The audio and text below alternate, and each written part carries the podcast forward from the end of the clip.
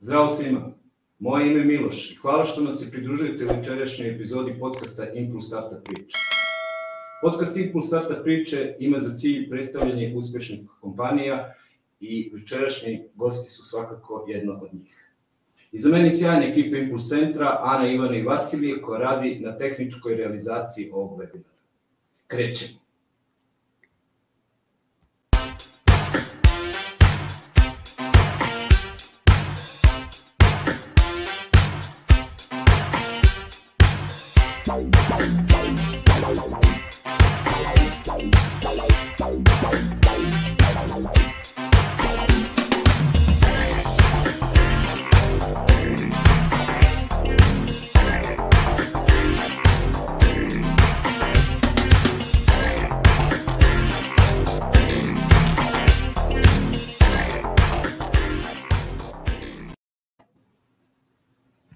Bed Systems iz Niša rebrendirao je i unapredio svoj servis za uslužni prevoz kamionima, koji se sada zove Star Lots, nekima poznat kao i Nađi Turu. Kompanija iz Niša razvila je Klepper, SaaS alat koji unapređuje korisničku podršku za online biznise. Poslednje što je razvila je inovativni SaaS proizvod Peppergene, stvoren kako bi dodatno pojednostavili proces obrade PDF i drugih dokumenta. Starlots, Klepper i Pepper Gym i još po nešto o bez sistemu će biti tema današnjeg podcasta Impuls Startup priče. S ponosom vam predstavljam mog današnjeg gosta Jovana Soldatovića, izvršnog direktora Bad Systemsa. Jovane, dobrodošao u podcast Impuls Startup priče. Pozdrav Miloše, bolje te našao, hvala puno na pozivu, nadam se da si dobro i sviđa mi se tvoj background i ta lepa tabla. Hvala ti puno. Eto, trudimo se. Uh, za početak, Jovane, možeš li nam reći ko je Jovan kada nije deo Bad Systems? Jovan ko je? Jovan je tata jednom Sergeju od dve i po godine koji ima svaki dan ovaj, kao i svako drugo dete živcira. Jovan je suprug Ivani koja me takođe svaki dan živcira, ali to je, šalim se, ovaj, to, to je, to je ovaj, kako se to kaže, jedna avantura koja je na dnevnom nivou ide ovaj, i onda samo se nastavi, nastavi, svaki dan postaje sve interesantnija, ali ja mislim da je Jovan svakodnevno deo uvek Bad Systems, to je ono što ja mislim i Sergej Ivana svaki dan bi nekako skratili da mogu, mogu ovaj, moj radni dan, ali to je nemoguće, zato što non stop ovaj, uvek imaju neke nove stvari, nova dešavanja koja, kako kažem, ili na našom žargonskom ćeraju me ovaj, na, na rad i na neka nova, neka nova interesovanja u tom pogledu što bi mogli dalje i kuda bi mogli da vodimo bad system sa mojim partnerima i naravno sa timom koji ovde radi sa mnom. Mm -hmm. Šta radiš tokom tipičnog dana? Pa gledaj, moj dan počinje u 6 zato što nam se klinac budi svako jutro u 6 i to već radi ono duže vreme, ali ovaj al ležem u 1 ili 2 naravno kad on odluči da legne, tako da to, to, to, to mi je radno vreme, taj skop od 6 ujutru do 2 ujutru, ponovo do 2 ujutru. Ali moj dan se svodi bukvalno sa zadnjih nekih godina dana na sastanke ili sa klijentima, partnerima, kad kažem partnerima, mislim na partnere u samoj firmi, ali i na partnere takođe koji rade sa nama na našim proizvodima. I uh, sastanci što se tiče, ako hoćemo taj opet engleski pičovanje ili uh, nuđenje naših proizvoda prospektim ili potencijalnim klijentima. A, većina, većina mog radnog vremena bukvalno ode na, na sastančenje što, na što nisam posebno nešto ponosan, jer ja mislim da to vreme može bude produktivnije ovaj, provedeno, ali to, to je to je ono moj daily life od ponedjeljka bukvalno do nedelje, čak i subotu i nedelju nekad, pogotovo ako su to, na primjer, američki klijenti ili prospekti sa kojima pregovaramo, oni i subotom i nedeljom ono, vole da, da dobije neki demo, ako je to moguće, jer njima treba uvek za juče, a, ali većina mog dana prođe u tome. Nekad mi je prosto žao što nema više vremena za neke stvari, pogotovo tokom posla, jer vidim da neki ljudi ono, bukvalno čekaju kao ajde sad, ajde pomerimo za 50 minuta, ali to je sve stvar organizacije, pogotovo kad ste mali, a ja uvek govorim za System da je, da, da je to malo preduzeće, da će uvek biti malo, da nikad nećemo porasti na 100. Do duše ove godine se desio jako veliki skok, za 50% smo porasli, Ove, to je za nas onako baš o, poveliki skok iza mene o, i onda to, to, je, to je moj daily life. Sastanci, sastanci, sastanci, priča, priča, do duše ja se nadam da ja više slušam nego što pričam, ali ajde, to ćemo još da vidimo do kraja ovog podcasta. ok. Uh, recimo, imaš li neki tajni talent za koji ne znamo, koji nismo uspeli da nađemo? Pronašli smo da voliš muziku, kabare, da. Da, da, da. pa ima li još nešto od toga što može da nam otkriš? A, odaću ti jednu tajnu šta volim, odnosno to su, to su ovaj, moje kolege na poslu ovaj, zaključile, volim da prodajem maglu. A, to je, to je ovaj, čak sam i dobio, nemam sad ovde da ti pokažem, ali dobio sam, bio mi skoro rođendan, pa sam dobio više poklona i svaki poklon sebi ima, jeste tegla, imam i čak i onaj notebook kao mali, svuda je prodavanje magle kao, ovaj, čak je ovo, pala mi ideja skoro da otvorim firmu koja se zove prodavanje magle DO, ovaj, pogotovo to sa DO, da ne bude preduzetnik.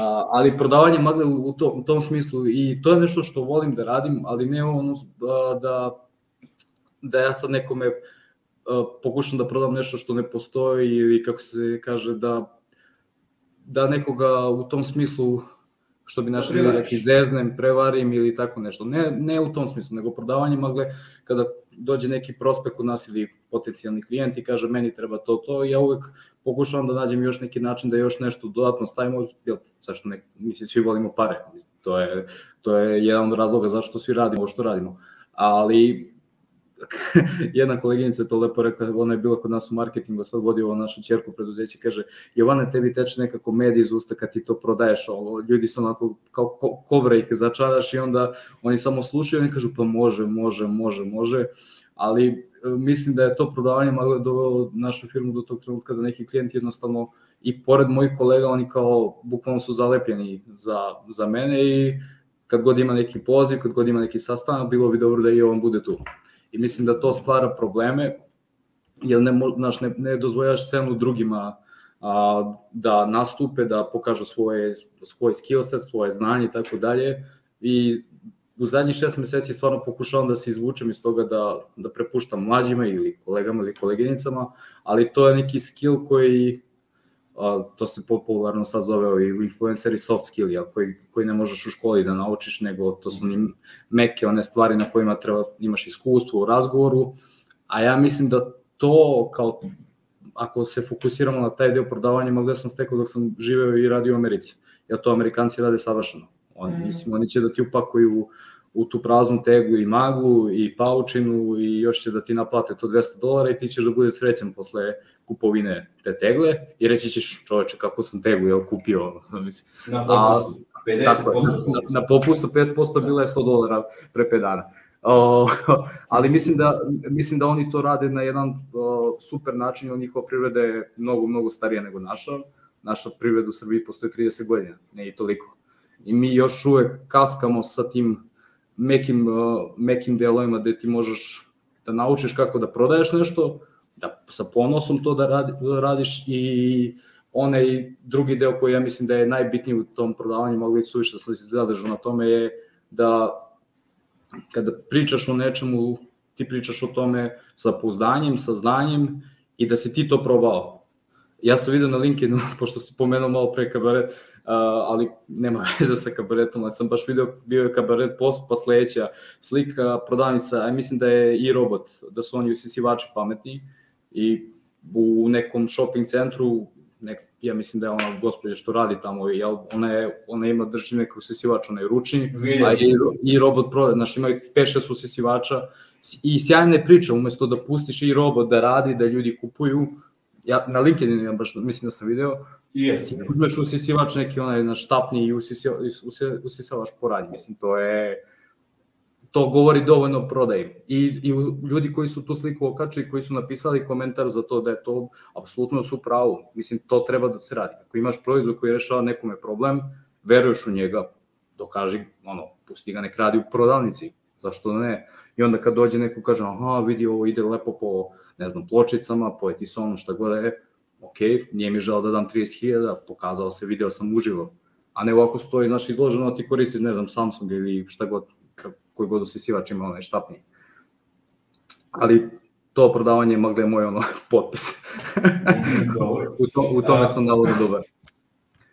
Znaš kako, imam predlog za tvoj tim. Mogu da te prozovu Jovan Zlatousti.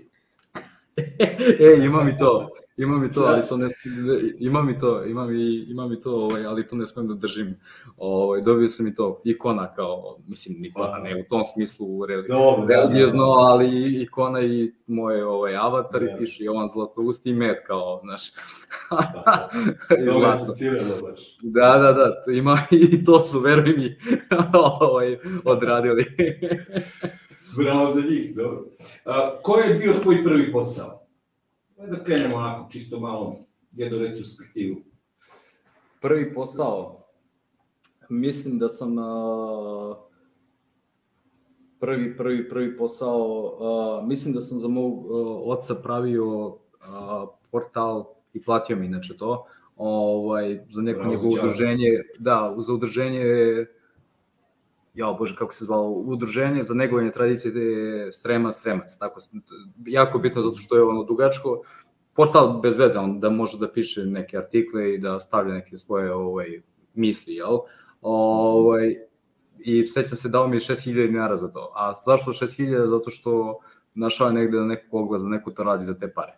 Ovaj, I ja sam tako inače ušao u web kao web programiranje. Ja sam inače ovaj, inženjer po struci, ali i bio sam programer dosta vremena, ovaj, plus igrice neke koje sam ovaj, igrao i onda me to nateralo da, da, da to radim. Ja sam vidio da tu može da se zaradi novca. Ali prvi, prvi onako plaćen posao je to ajde. To je ono više bilo u porodici, jel? Mislim da mi je bio spasilac u, Američki, u Americi kao student. Ono, mislim da mhm. znaš, J1 program preko leta. Da, da, da, znam.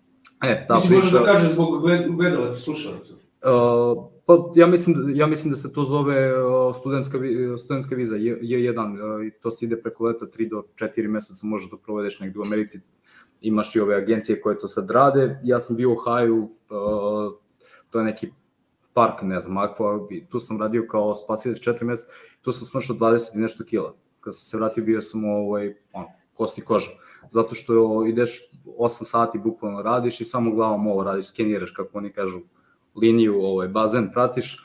A, taj posao je bio lepo plaćen, 32 dolara sat, ono, 8 sati radiš, 2500 studenta iz svih mogućih zemalja. Šta god ti padne, Mozambik, dole Johannesburg, Južna Afrika, znači koga sve nije bilo u tom i naravno ja završim u sobi sa četiri crnogorca. ovaj, I to, to je bilo ovaj, fantastično iskustvo. Tako da je to bio prvi posao. Posle sam radio i kao čistač, kao u kuhinji. A, bio sam čak i šef kuhinje u Americi jedno vreme, šest meseci. Ovaj, Karađorđeva šnicla i sarmese su spremale na veliko, to je bilo glavno jelo. Znači, stejkove smo izbacili, to, to ovaj, nije bilo više. A, to su bili prvi poslovi, uglavnom ti studentski 3-4 meseca i tek posle toga sam prešao kad sam završio i višu školu u Šapcu, da sam tamo i rođen i tamo sam i živeo, ovaj, tek sam tad prešao moju struku, programiranje, project management i tako dalje. Dobro, sjajno. Pa hajde da krenemo priču o Bad Systemsu. Ovaj, za sam početak ukratko o Bad Systemsu, šta se vaš tim postiže ovih dana? Eto, to je bitno. Pa, uh, ja bih ako dozvoliš dve, tri rečenice samo kako je nastao Bad Systems, mislim da je to interesantna, interesantna priča. Uh, kada sam se vratio iz Amerike 2016. godine, ovaj, meni na mail stiže uh, ponuda za posao za koji je inače moj otac, dok sam bio još student u prvoj godini, kad sam otišao da radim, aplicirao preko, ja mislim, preko Infostuda. Znači, tri godine, četiri godine je prošlo, ja dolazim, i o, to mi stiže ponuda za ono kao software inženjera, za neku, za neku tad, ja ne znam, švajcarsku kompaniju koja otvara a, predstavništvo u Srbiji. Šta će da radi ta švajcarska kompanija? Izrada portala za, odnosno ne portala, izvini, platforme za arbitražu vina. E sad, ne znam koliko ti je vinski svet ono, poznati, koliko to, ali ja A, nisam znao o tome, ovaj, apsolutno nikakve veze, međutim kad sam dobio, kad smo već krenuli to da radim, kad sam dobio Excel file sa cenama, nije mi bilo dobro. Ovaj, pričamo o flašama 0,75 ili tako, ili magnum flašama gde je stotine hiljada franaka ili evra cene. I platforma je trebala da bude poprilično jednostavna, znači imaš prodavce vina koji ubacuju eksa sa svojim cenama jel, na tu platformu i onda ti ne, neko kao ko je prodavac ili preprodavac, kako god hoćeš, dođeš i kažeš treba mi, ne znam, šest flaša tog određenog vina za restoran, nađeš gde je najjeftinije, kupiš i prodaš restoranu, naravno profit između toga. Klasična arbitraža, ništa, ništa to nije bilo posebno. Ovo, ovaj, I tu poznam ovaj, dva moje partnera iz Švajcarske, kojima evo, danas sam i suglasnik Bad Systems, gde su oni Bojan, Alex i Dominik, o, zato je Bad Assistant, nije kao bad, nije kao loše.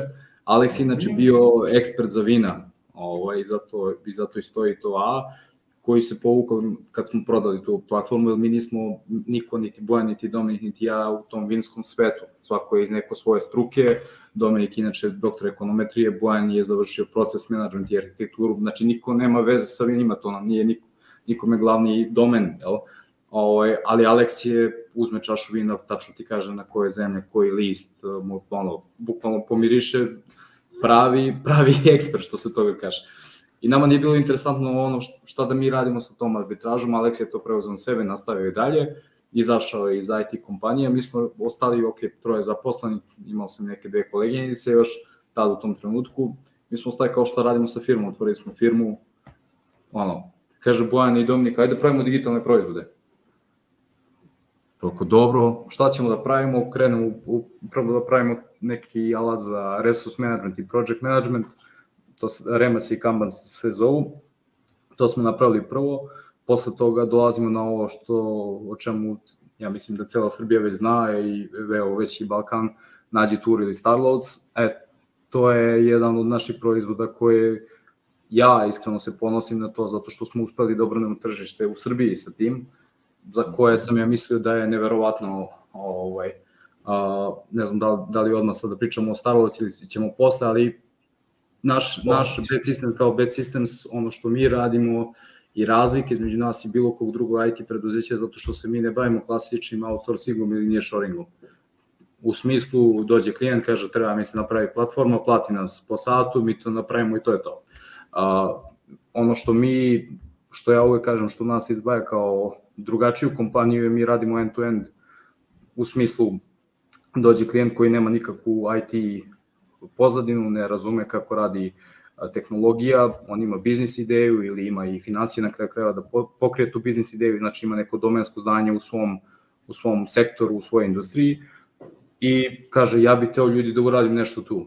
Vidim potencijal, vidim da se mučim sa određenim nekim problemima ili u scenariju nekom, onda mi uzmemo, imamo više faza, razvijamo prvu ideju, razvijamo biznis, logiku kako će to da se posle tehnološki napravi, prototip, testiramo to sa njegovim mušterijama, potencijalnim, odnosno mušterijama, i onda tek krećemo u razvoj tehnologije i tek onda radimo i marketing i sve ostalo. Znači, od početka do kraja sve, sve.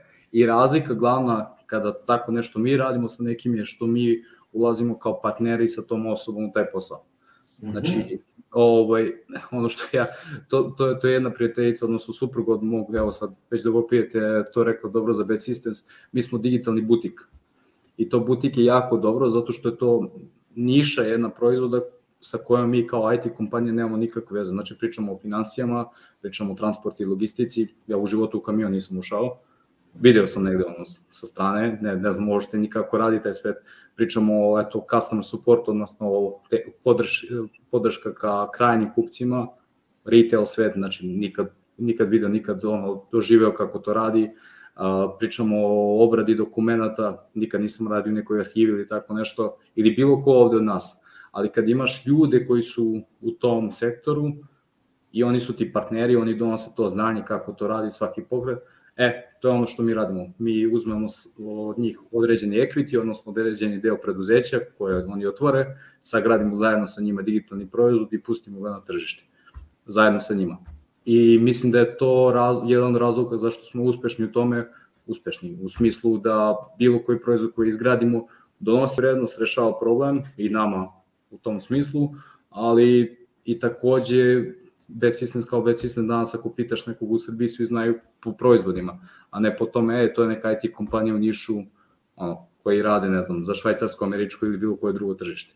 I mi izbegavamo da budemo ta klasična IT kompanija, niti se, ono, mi ne gledamo na nikog ovde kao konkurenciju, zato što mi konkurenciju u Srbiji kao u Srbiji nemamo u tom pogledu da ti kažeš, evo, svi drugi digitalni proizvodi, svako gleda neku svoju nišu, svako gleda neki svoj sektor, ali mi ono što radimo je to je usko i povezano direktno sa našim partnerima koje, koji su u tom sektoru.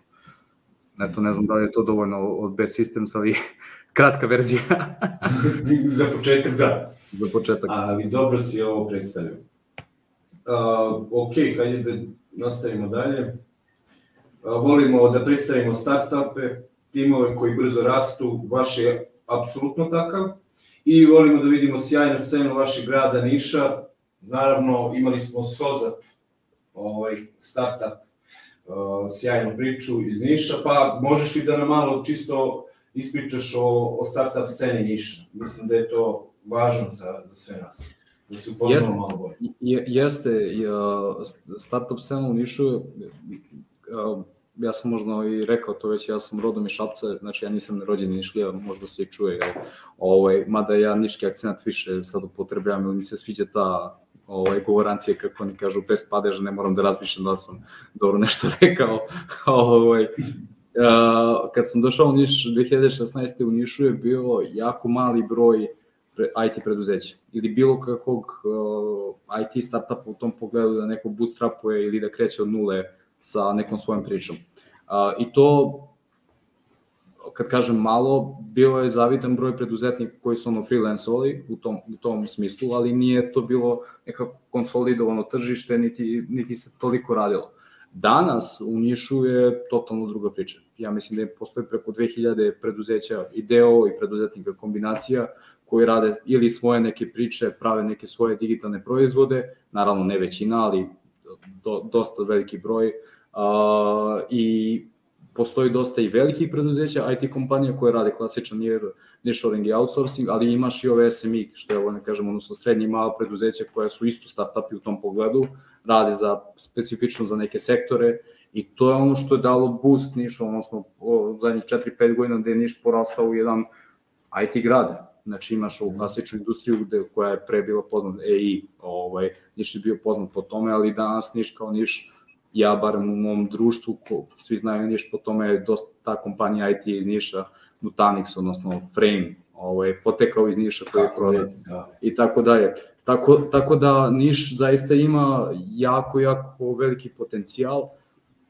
Ono što ja mislim da fali Nišu, oni su sad počeli, ili možda su i ranije to imali, taj startup centar je bio, ja se sećam, na elektronskom fakultetu jedno vreme, sad je to NTP, a, a, ima ova, ova zgrada gde smo mi sad a, kao taj coworking prostor, ali doduše malo veći a, i tu imaš dosta tih malih IT kompanija, te, te vrste inkubatora da prave da bi startupovi mogli da se informišu kako da dođu do financije i tako dalje. Jer ja mislim da je to ono što generalno je falilo u, u ovakvom gradu, a i drugim gradovima koji nisu Beograd, u Beogradu je nekako, tu su sva dešavanja, znaš, sve, sve se dešava u Beogradu kada dolazi neka, ne znam, visi neki kapital ili tako nešto, to je u Beogradu, takve stvari se organizuju u BG-u. I onda kad dođu u, Niš, kad i ti dovedeš, evo mi smo pre dve, tri nedelje doveli Pionir i tako neke druge a, ljudi koji pričaju kako da dođeš do novca, znaš koliko se ljudi pojavilo da čuje, ok, meni treba, ne treba mi 2-3 miliona, meni treba 20-30 hiljada evra, da lansiram proizvod itd. i kad čuju iskustvo i tako dalje, to je onda već druga priča. Tako da ja mislim da to ide u super pravcu. Ono što definitivno postaje problem, ali ajde, to je već neka druga tema, je manjak ljudi. I to je, to je ovaj, jako veliki problem, zato što ja vidim, mi, mi takav problem nemamo zato što mi ne radimo klasičan recruiting, ono u smislu da okačemo oglas pa čekamo da se javi. Kod nas svi koji ljudi koji su došli su došli preporukom, znači neko dođe u firmu, a je kaže ja znam ovog ili moja sestra ili bukvalno kao porodica smo ovde, svi sve znaju, nema ono kao ne došao sa oglasa ili tako dalje, ili ga ja lično poznajem pa dođe kod nas, ovaj, ali vidim u drugim firmama da to ja, zaista postaje jako veliki problem.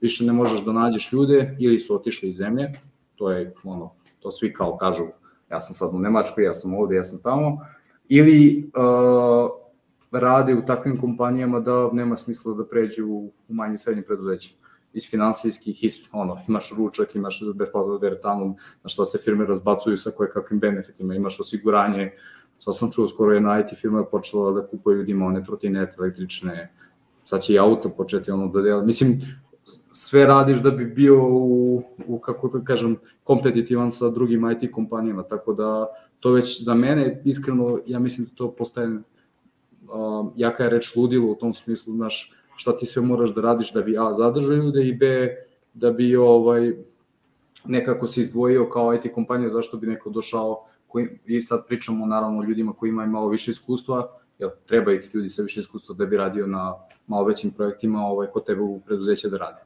Za ljude koji su studenti i to je ono što mi isto evo već šest godina radimo, imamo taj program kao prakse, uh, po troje ljudi kvartalno, znači 12 ljudi godišnje ovaj, bude kod nas i dosta tih ljudi ostane kod nas i radi.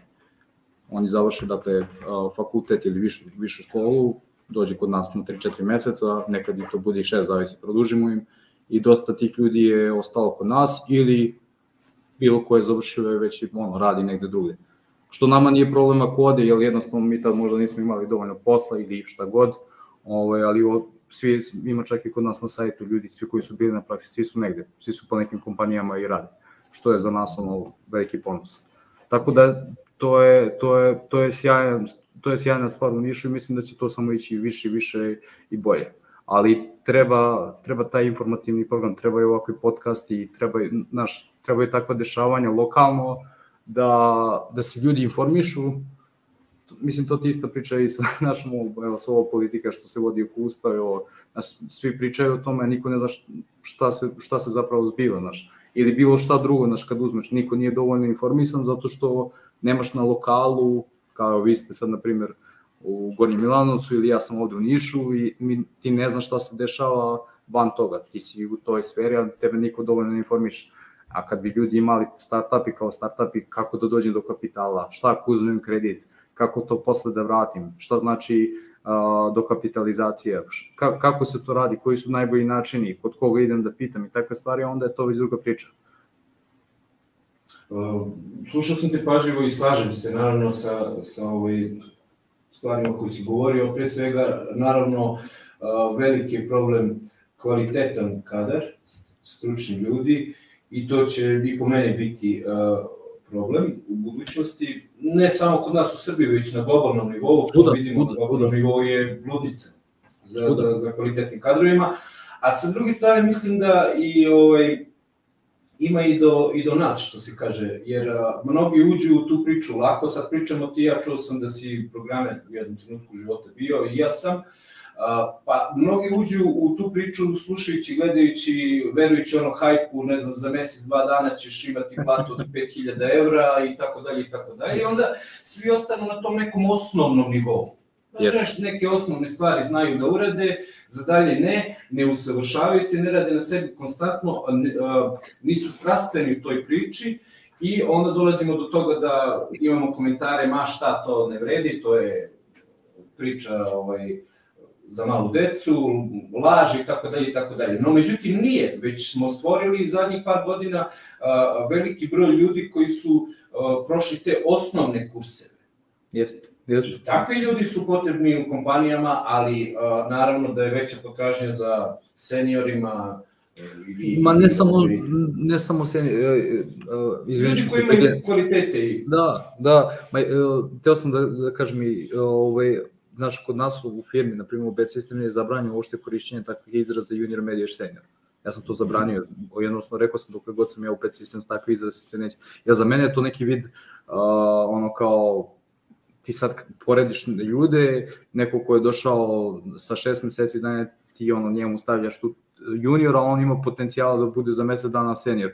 Uh, ali to je već druga tema. Ti si potpuno pravo, to je globalni. Ja sam samo Srbiju uzimao Da, da, pa naravno. Mi ovde, ali to je globalno i to se svuda dešava. Znači u Americi je ista priča, zato i oni imaju takvu politiku i imigracije da uvlače ljude iz drugih zemalja, dolazi im ono, sveža radna snaga i samo vrte. To je, to je svuda.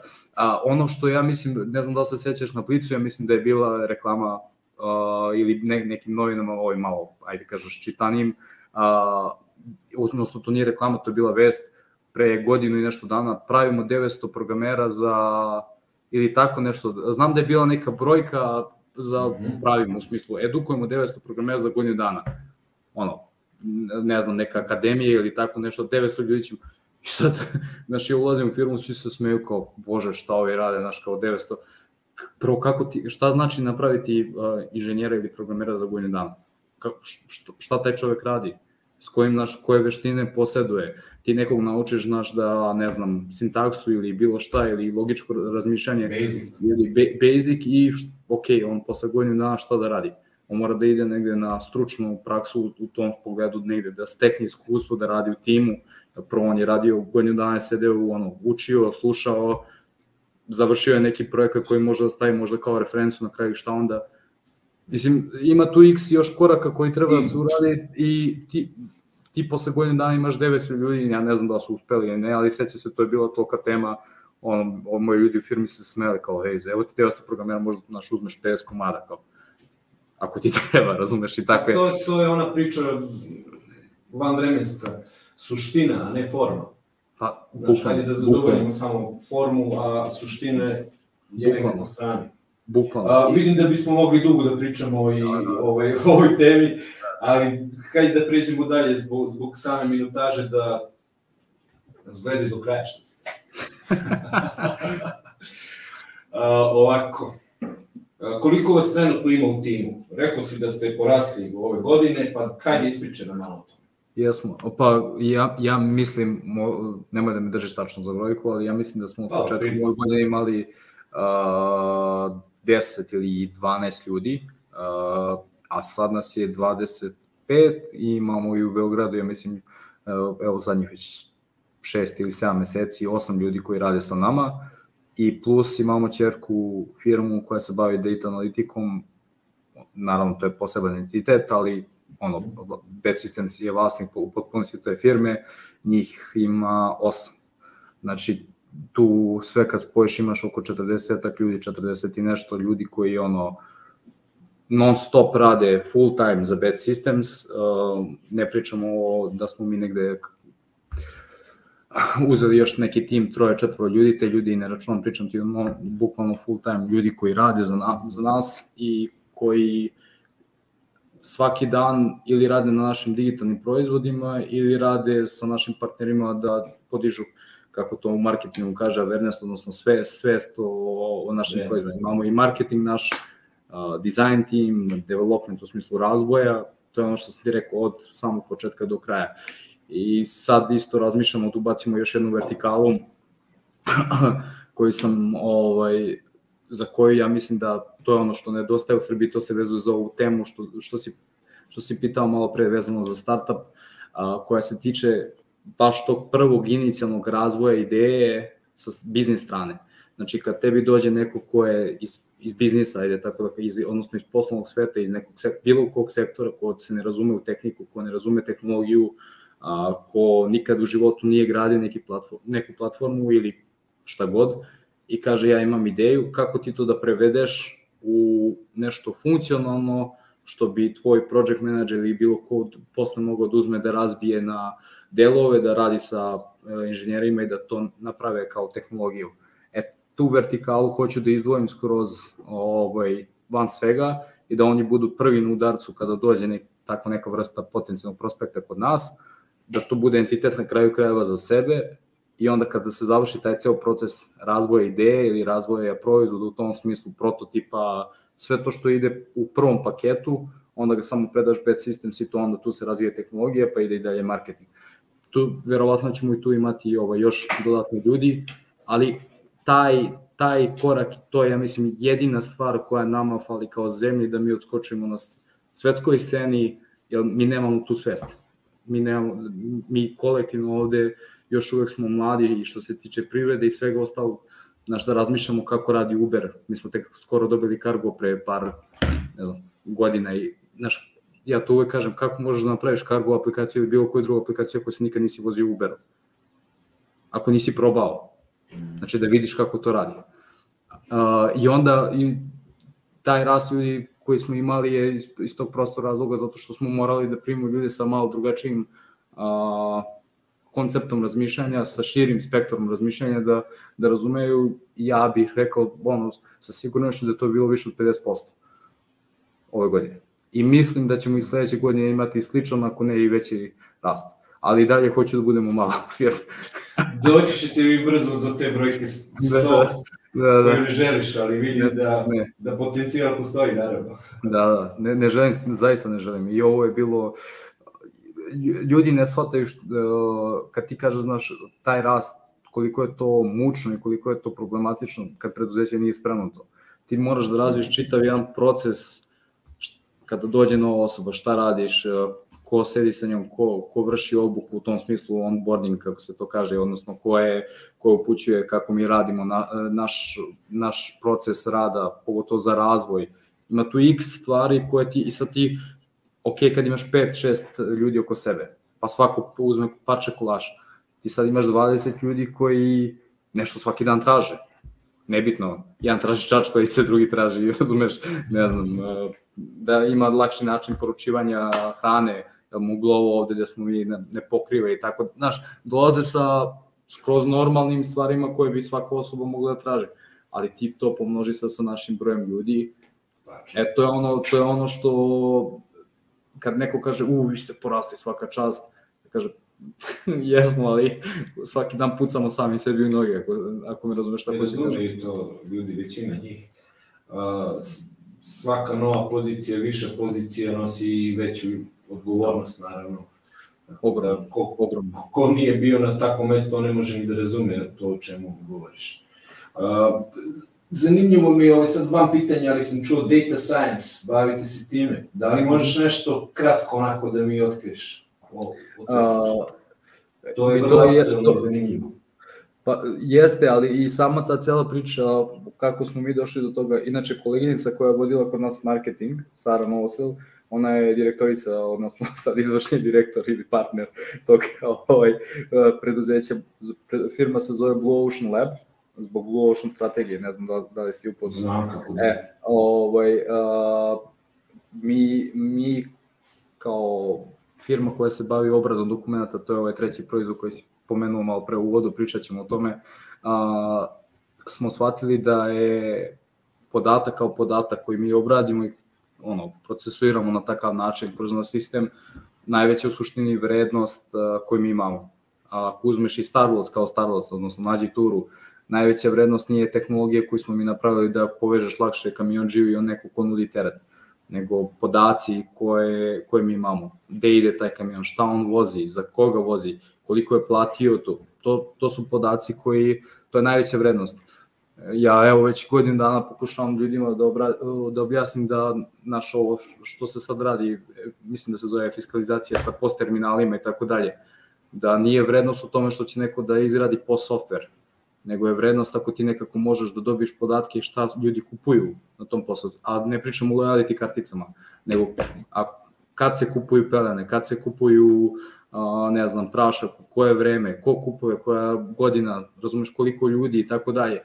Jel to je ono što je vrednost kompanije. E, Blue Ocean Lab se bavi time, znači podaci koje mi imamo što se tiče financija, koje PaperGen obrađuje, podaci što se tiče nekih drugih proizvoda koje imamo u ESG sferi, Inače, ESG je takođe jedan trend koji je ono sad, pogotovo investicijama, gleda se kao jedan od uh, indikatora, ljudi koji investiraju gledaju to kao indikator ranking za environment, social governance, odnosno za upravljanje socijalna pitanja i za okruženje kao okruženje, na primjer koliko žena zapošljavaš u preduzeću poređenju sa muškarcima i tako dalje, koliko zelenila imaš i tako dalje, to isto obrađujemo u tom smislu da mi imamo naš, uh, nisam sigurno kako bi to preveo na srpski, labeling tool u pogledu uh, mapiranja podataka, da, na primjer, evo, sa kod tebe piše Impuls Center, impuls može da se kaže sinonim ima takav, takav, takav i kad najdeš na takvu drugačiju reč, da uvijek znaš da je impuls. E, to mi imamo naš, naš software koji to radi,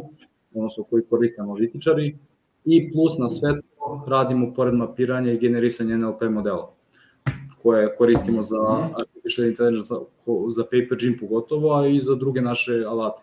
A, što se tiče NLP-a, mi nismo ne, ne, neki veliki eksperti, to odmah, ono, ovaj, ovaj, iskreno ti kažem, mi ne pokušavamo da budemo, ovo što mi radimo završava posao za nas, kada nam treba pomoć, ono, mi se naravno obratimo konsultantima koji jako uvek žele da uzmu naše pare, tako da, ovaj, I, i, i to odmah kažem kao ono disclaimer da se zna da, da sve što kažem vezano za to možda nije tako oko AI sveta, jel ne ulazim to, nisam ekspert u tome, ali znam da, da je to budućnost, odnosno da su podaci budućnost i da je, da je tu najveća vrednost e, koju možeš da stvoriš, a Blue Ocean to radi.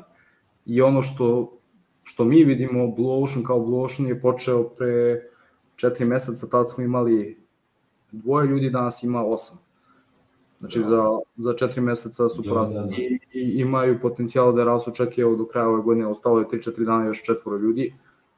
Tako da nije imaju potencijal, nego znam da hoće, ovaj, a sledeće godine još više od toga. Jer podatke svi hoće da kupe. U bilo kom obliku, još ako i ti, kao što mi radimo strukturno, napraviš da imaju strukturu, da imaju uh, značenje, to je, to je budućnost. I to je najveća vrednost koju firma danas može da ima. Tako je, slažem se. Bravo za vas, ovo me obradovalo, zaista nisam znao ovu informaciju. Ne, pa to, ono, Super. mislim, Ocean radi za sebe, znaš, mi da, jesmo da, da.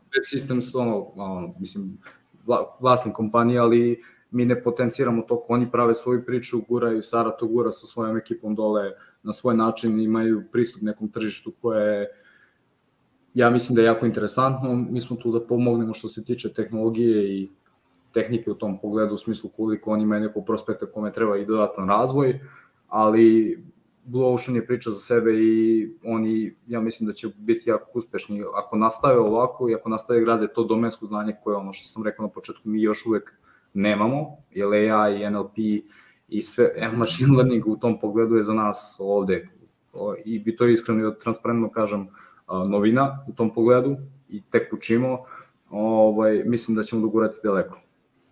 Da, da, da. Potencijal svakako postoji. Pa, mislim, pot, potencijal i novac koji je, ono, a no, novac svi gledaju kako da uzmu što veće pače kolača, ako, ako, ako mi razumeš šta hoće da kažem.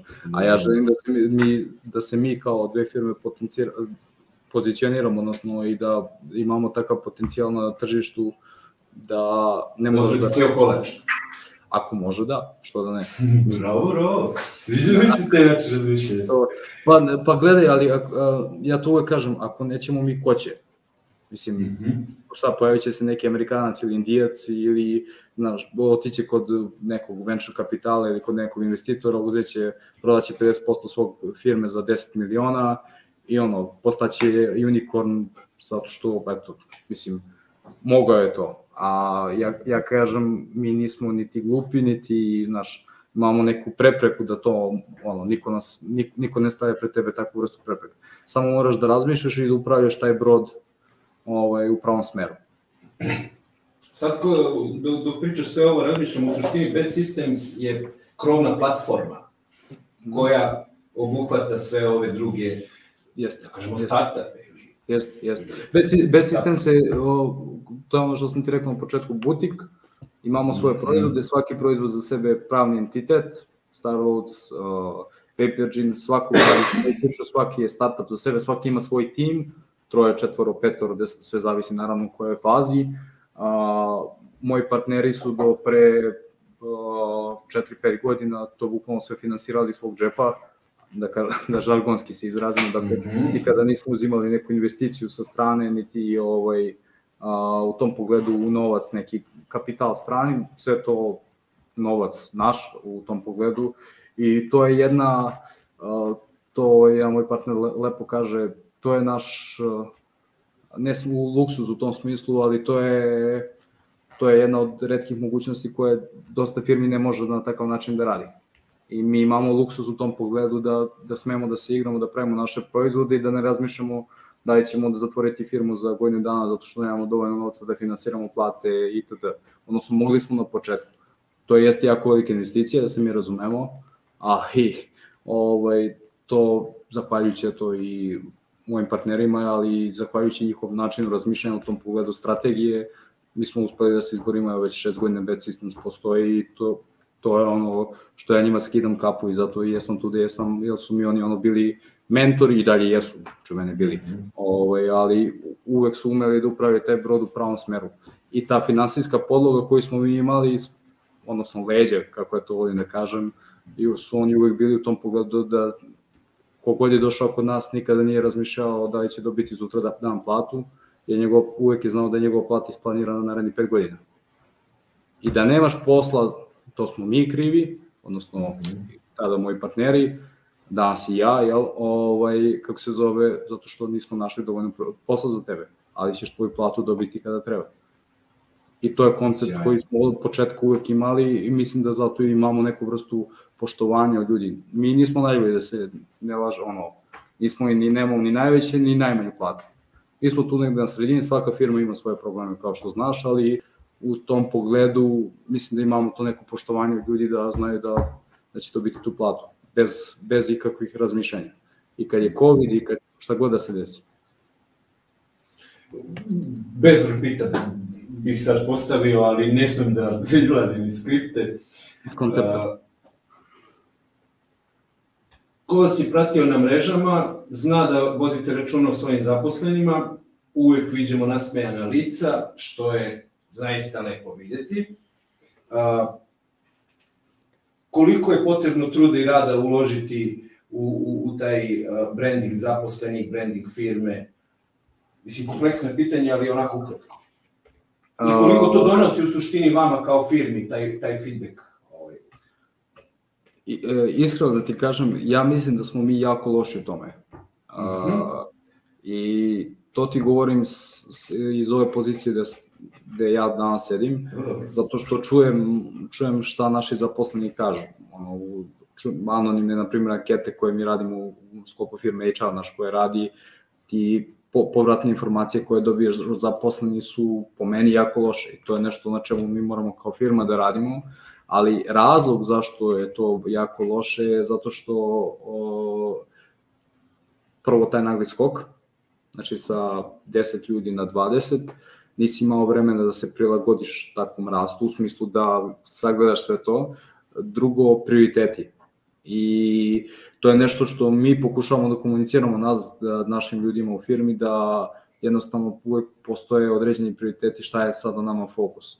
Fokus je da izgradiš stabilnost prvo, da imaš, kako se to kaže, ravnu liniju, jel, ili možda čak i neki skok, i da, da ta stabilnost je tu i da garantuje dalji rast preduzeća bez ikakvog jel, pada. A treća stvar, znači prioriteti, taj, ta vrsta fokusa i treća stvar koju ja mislim da, da vam se desi, zato smo loši u tome, je što moje, sa moje tačke gledišta, ja kada sam bio programer, ove stvari koje, kojima se danas priča, kao što sam ti rekao da imaš kuvara u kuhinji, a, kafe kuvaricu ili kafe kuvara, da budemo ESG compliant, ovaj, takve stvari nisu postojale. Ne znam, evo, možda se ti sećaš da ti neko kupuje trotinete, a, da ti firma daje, ne znam, fit pass paučere, teretanu i to, mislim, to ni, ja, ja, ja dolazim, ja nisam nešto previše star, ali to, to je bilo moje vreme. To je bilo, da se mi razumemo, pre 4-5 godina, koliko se industrija promenila. A, mislim da mi tu kaskamo za takvim stvarima. Nisam siguran i to je isto, eto, to je tema za razmišljanje, ja bih stvarno volio da čujem šta ljudi kažu, da li je to zaista potrebno firmama, da je to zaista potrebno zaposlenima ili im je više bitnije da imaju neku vrstu rasta u finansijskom pogledu, a da se ove druge stvari ono, ovaj, nekako staje sa strane. Mi imamo takve stvari, sitnice, imaš pristup teretani, ne znam, privatno neko zdravstveno osiguranje, a to je, to je minimalno koliko danas tržište nudi, da se mi razumemo. Zato kažem, mislim da smo mi loši u tom. Opet kažem, nismo ni najgori, ali moje, moje mišljenje na osnovu feedbacka koji mi dobijamo je apsolutno možemo da radimo na tome. Razlog zašto su nasmejani i razlog zašto te neke stvari mi uvek nekako uradimo totalno neplanirano nešto. Ne znam, kupimo dukseve majice, u, pričamo o tome, na primjer, u januaru i ljudi sad očekuju to će do marta, februara, onda mi to uradimo u decembru. On, totalno ne planiramo zato što tad smo imali vreme za to ili, ne znam, skoro imali, da. ovaj, Decembar je baš to. Da, ili, pa evo, već je gotovo, kraj. Da. Ili, ovaj, tako neke sitnice, razumeš, koje ono, žurke organizujemo, imamo tu tradiciju da kad god neki proizvod ili ajde neki milestone ono, završimo, idemo u kafanu kao tim. Uh, to su neke sitnice. E sad, neki ljudi je to ono, oni su super srećni sa time, ono, imaju razumevanje, neki drugim ljudima nije da smeta, ali oni kažu, ej, može bolje, a, može kancelarija, na primjer, da ima ono, više prostora, da možemo više, ne, ne znam, da imamo našu kantinu itd. itd. Sad ti dajem realne primere iz, naš, iz, naše, da, da, da. iz naše firme, ali takve stvari, ovaj, mislim da možemo da radimo na njima.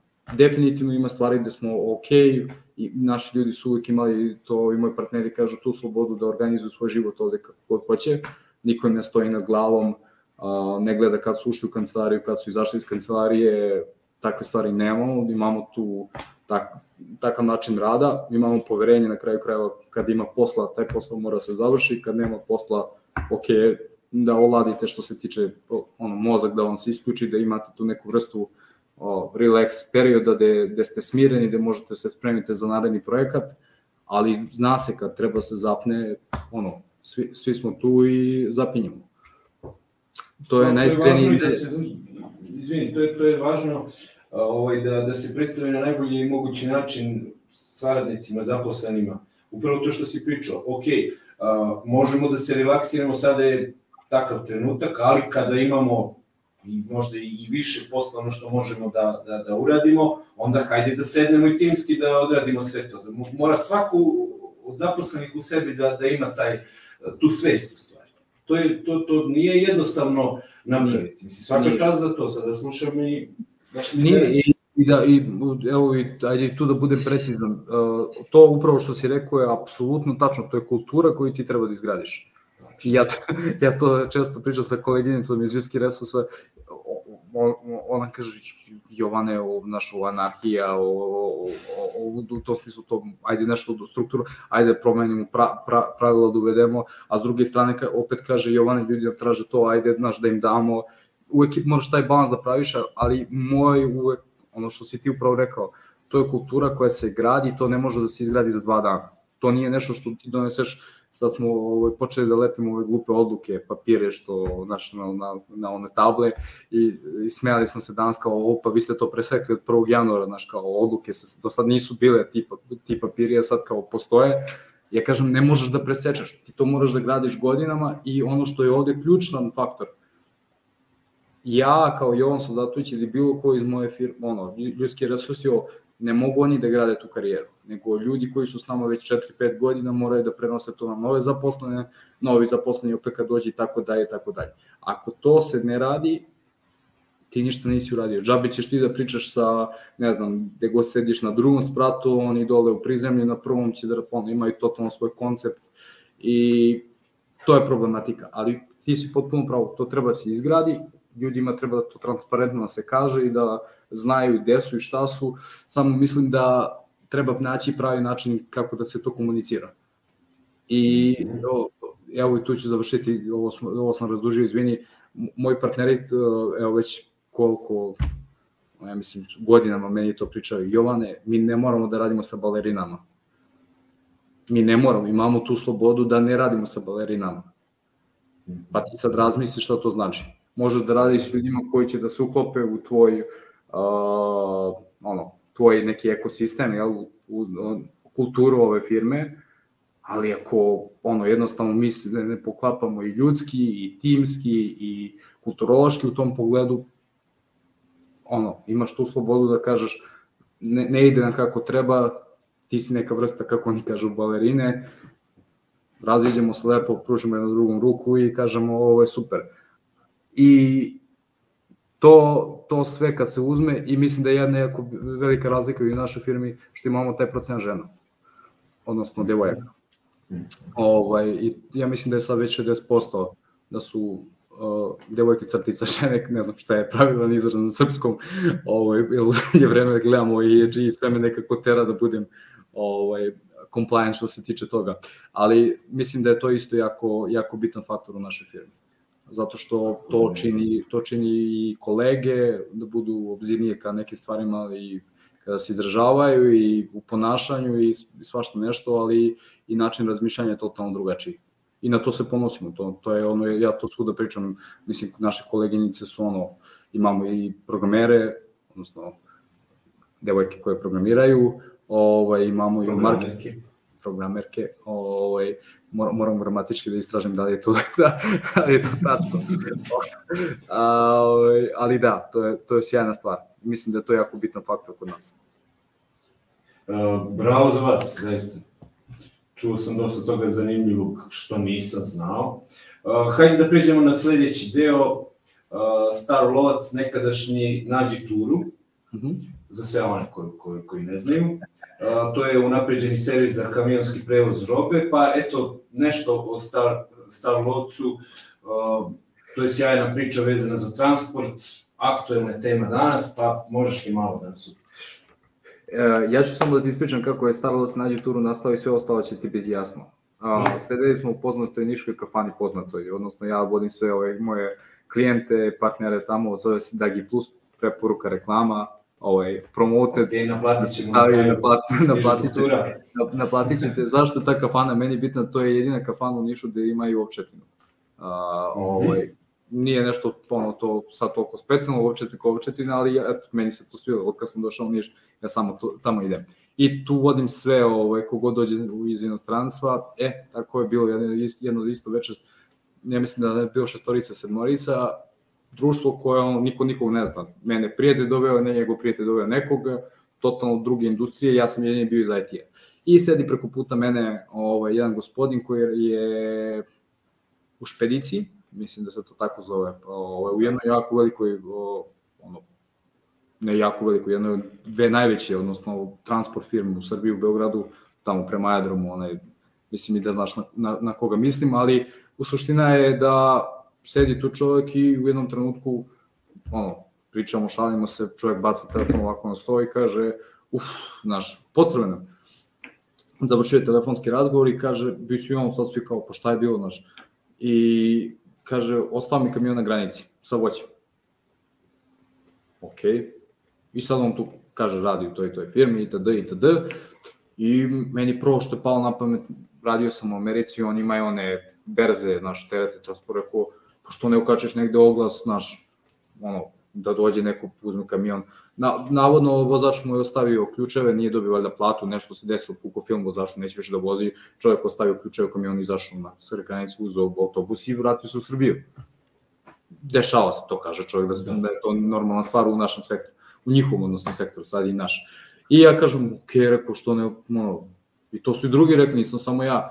I ja on kaže, ma de to, kao treba se čeka sutra, kao da oni to objave, pa to mora i da se plati nešto, ne znam. I meni to, ono, ostalo negde u pozadini, ja dođem, dođem kući, znaš, ja, ono, prosto mi bilo neverovatno, sedem transport i logistika, a ne znam, perza I čoveče, na moje zaprešenje, ono, totalno, nikad u životu nisam ukucao tako nešto, dve stranice. Cargo agent i Timo.com. Samo to, niko više, ma, nema reč o berzi teretnih transporta. Cargo agent, inače, bugarska firma postoji od, ne znam, 2000 i neke godine, platforma izgleda kao Windows XP, odnosno Millennium, tako, tako im izgleda ali radi, imaju radi, preko, to je najvažnije, radi, da. preko 3000 nešto dnevno tereta, znači ono funkcioniše i za međunarodni i za unutrašnji transport i Timo.com, poznata nemačka ta platforma, oni imaju preko 100 i nešto hiljada, razumeš, ono tereta dnevno.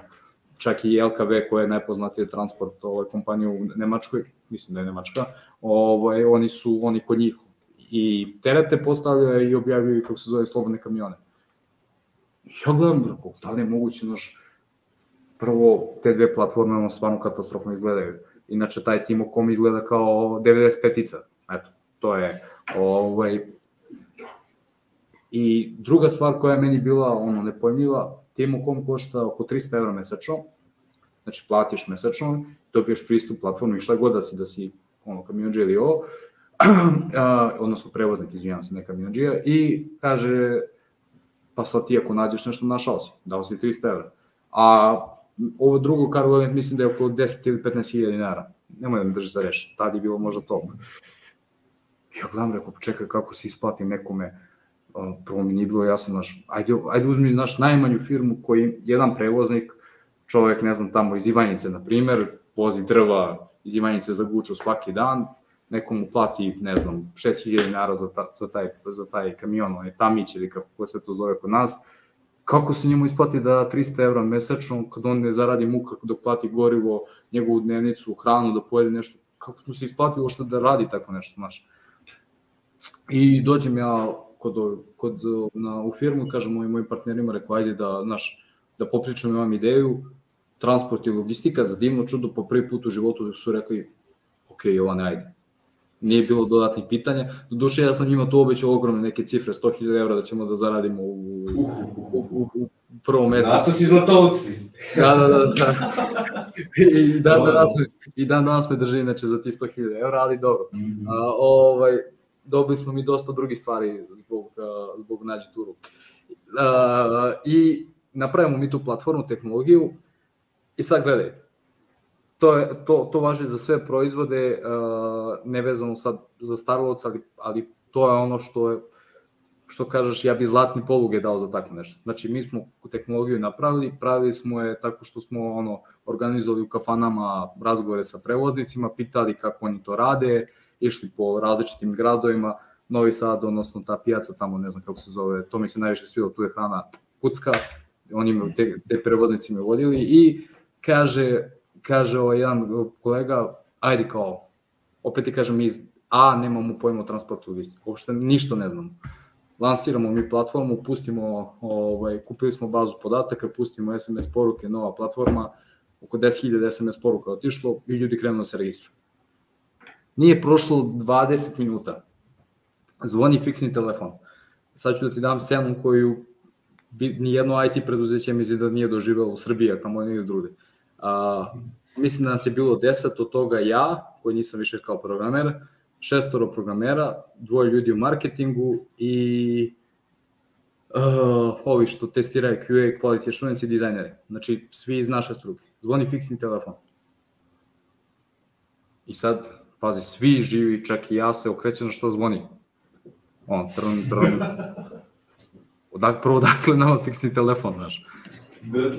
I ono, koleginica, pazi, koleginica iz marketinga uzima slušalicu i samo čuješ čovek, naravno iz Dragačaja, ko će drugi iz Čačka, ma sve po spisku, kakvi ste vi normalni, gde vam je, kaže, paleta 120 puta 80. I kolega izgubi kada ona me, daš, ovako preko, preko stola pruža fiksne slušalicu, kao Jovan. Tražite od jednog do drugog slušalicu. Tražite neko, znaš, kao, jer rekao, dobar dan, dobar dan E, to je ovo što ti kaže prodavanje magla. I ja lepo tu s njim, kažem, izvijem se, ajde, ono, iz početka, kaže, ja sam se registrovao kod vas, a, sve sam prošao, lepo izgleda, jednostavno, to je ono čovjek rekao, ali kaže, ja ne mogu da izaberem, meni treba 120 puta 80. Ja kažem, šta je 120 puta 80? Ne, ne razumem o čemu pričate. Paleta, kaže čoveče, paleta 120 puta 80 imate, kaže 100 puta 100 i 80 puta 80. Kaže, to niko ne vozi u Srbiji, to je naš, to je evropsko tržište, nama treba vozi 120 puta 80. Ili je bila neka, ne, opet, ne mojem brzo reći, odavno je bilo, neka druga, ali jedna merka. Ja rekao, aha, dobro, to je dva minuta bilo da mi dodamo u, u platformu, ali hoću da ti kažem šta je, šta je cela poenta priče. Takvu vrstu povratne informacije ljudi plaćaju. Tako je ljudi pa, znači i u inostranstvu, kad lansiraš digitalni proizvod, ti šalješ ljudima na, da testiraju tvoj proizvod, platiš im da objave da su testirali, da snime video o tome i da ti kažu tvoj proizvod je ono bez veze ili tvoj proizvod je super, ali plaćaš. Znači daješ pare influencerima, daješ pare marketarima, daješ pare bilo kome drugom da proba nešto i da kaže svoje mišljenje. Review, kako se to, ovaj, jel, da ostavi recenziju takva vrsta povratne informacije nama dolaze fiksnim telefonom. Svaki dan. Neverovatno. I mi, i pazi, ja to nisam shvatio, naravno, trebalo je neko vreme da prođe, ono, mesec, dva, tri, i mi zaposlimo jednu koleginicu Sanja, naša čuvena Customer Success Manager, to su sad moderne jel, titule, brine se uspehu naših klijenata, ovaj, ona je bukvalno 8 sati na telefonu sa tim ljudima. Znači, to je jedini njen posao. Pomažemo u bilo kakvim problemima, sluša feedback, zapisuje mi i menjamo platformu shodno tome. Prikupimo, vidimo šta je zaista ono prioritetno i menjamo. Ali ljudi su počeli sami da zovu i ja se pitam zašto. Svi smo se jedno kao, znaš zašto? Naravno, reći ću šta je biznis model, ali poenta jeste bilo da platforma kao platforma ljudima rešava problem. Mm. To je. I ako im nešto to rešava problem, to je prvo i osnovno i njima ako to rešava problem te sitnice, oni ne znaju da li je to velika mala stvar za nas, to nije ni bitno za njih. Ali uzme telefon, sve ti po spisku, kaže ti nisi normalan, kako si ovo smeo, ti kažeš u redu, hvala vam puno, evo odmah ćemo da ispravimo, spustiš slušalicu, popraviš, zoveš, gospodine, rešeno je, možete nastaviti koristiti vašu platformu. I to Sanja radi svaki dan. Sanja je ono što mi kažemo zid naš na koji oni pucaju, ona imala sjajne priče, mislim da se im treba da snimiš podcast da ti ispriča ovaj, par tih ovaj, verzija, ako budemo imali vreme ispričat ću ti posle jednu, samo to je, to je ono bajka što se tiče tog razgovora, ali suština jeste, šta je nađi turu različito od ovih drugih platforma, mi ne naplaćamo mesečnu subskripciju. Mi radimo po principu, hoćeš teret, ako si prevoznik, nađeš teret, vidiš sve informacije o teretu koji ti trebaju, platiš teret 50 dinara. 50 dinara košta. Isto tako, ako si postaviš teret, ovaj, ti kao špedici ili ono, proizvodnje šta god, postaviš teret kod nas na platformu, to ti je potpuno besplatno ili postaviš slobodan kamion da si slobodan sad u nekom gradu i to je potpuno besplatno, ali kad neko hoće, kad ti hoćeš da otključaš slobodan kamion, da, do, vidiš da on sad ne recimo u, ne znam, u Berlinu, stoji prazan taj taj spec kamion koji tebi treba, vidiš sve informacije o njemu, njegove recenzije, 50 dinara da košta da otključaš njegove kontaktne informacije. I to je jedino šta mi naplaćamo.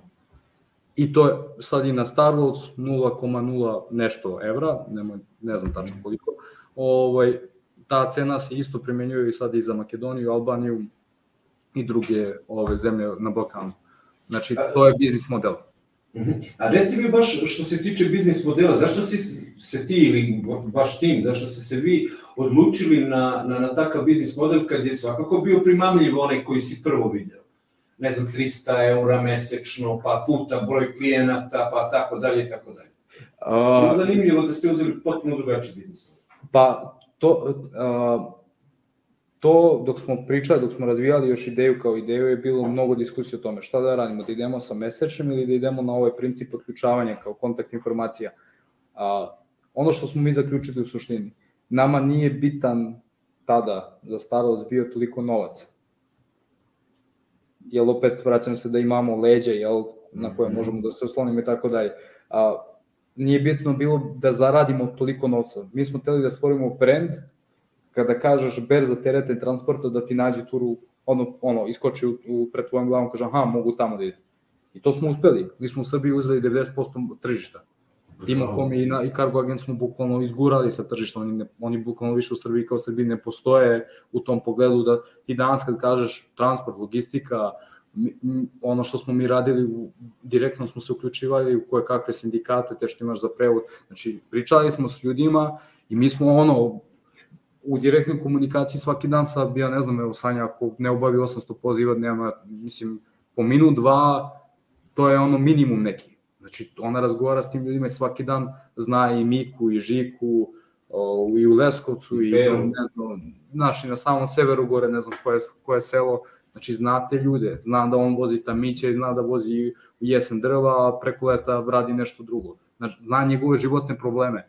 Kad se povežeš na takav način s ljudima, Znaš, to je već, to je, to je druga priča.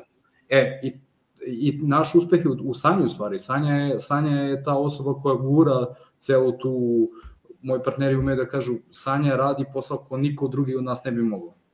To, mislim, to se zovu hladni lidovi u, u, ono, u prodaji, znaš, kad ti uzmeš telefon i pozoveš nekog, nikad nisi čuo i kaže, dobar dan, da li ste čuli za nađi turu RS?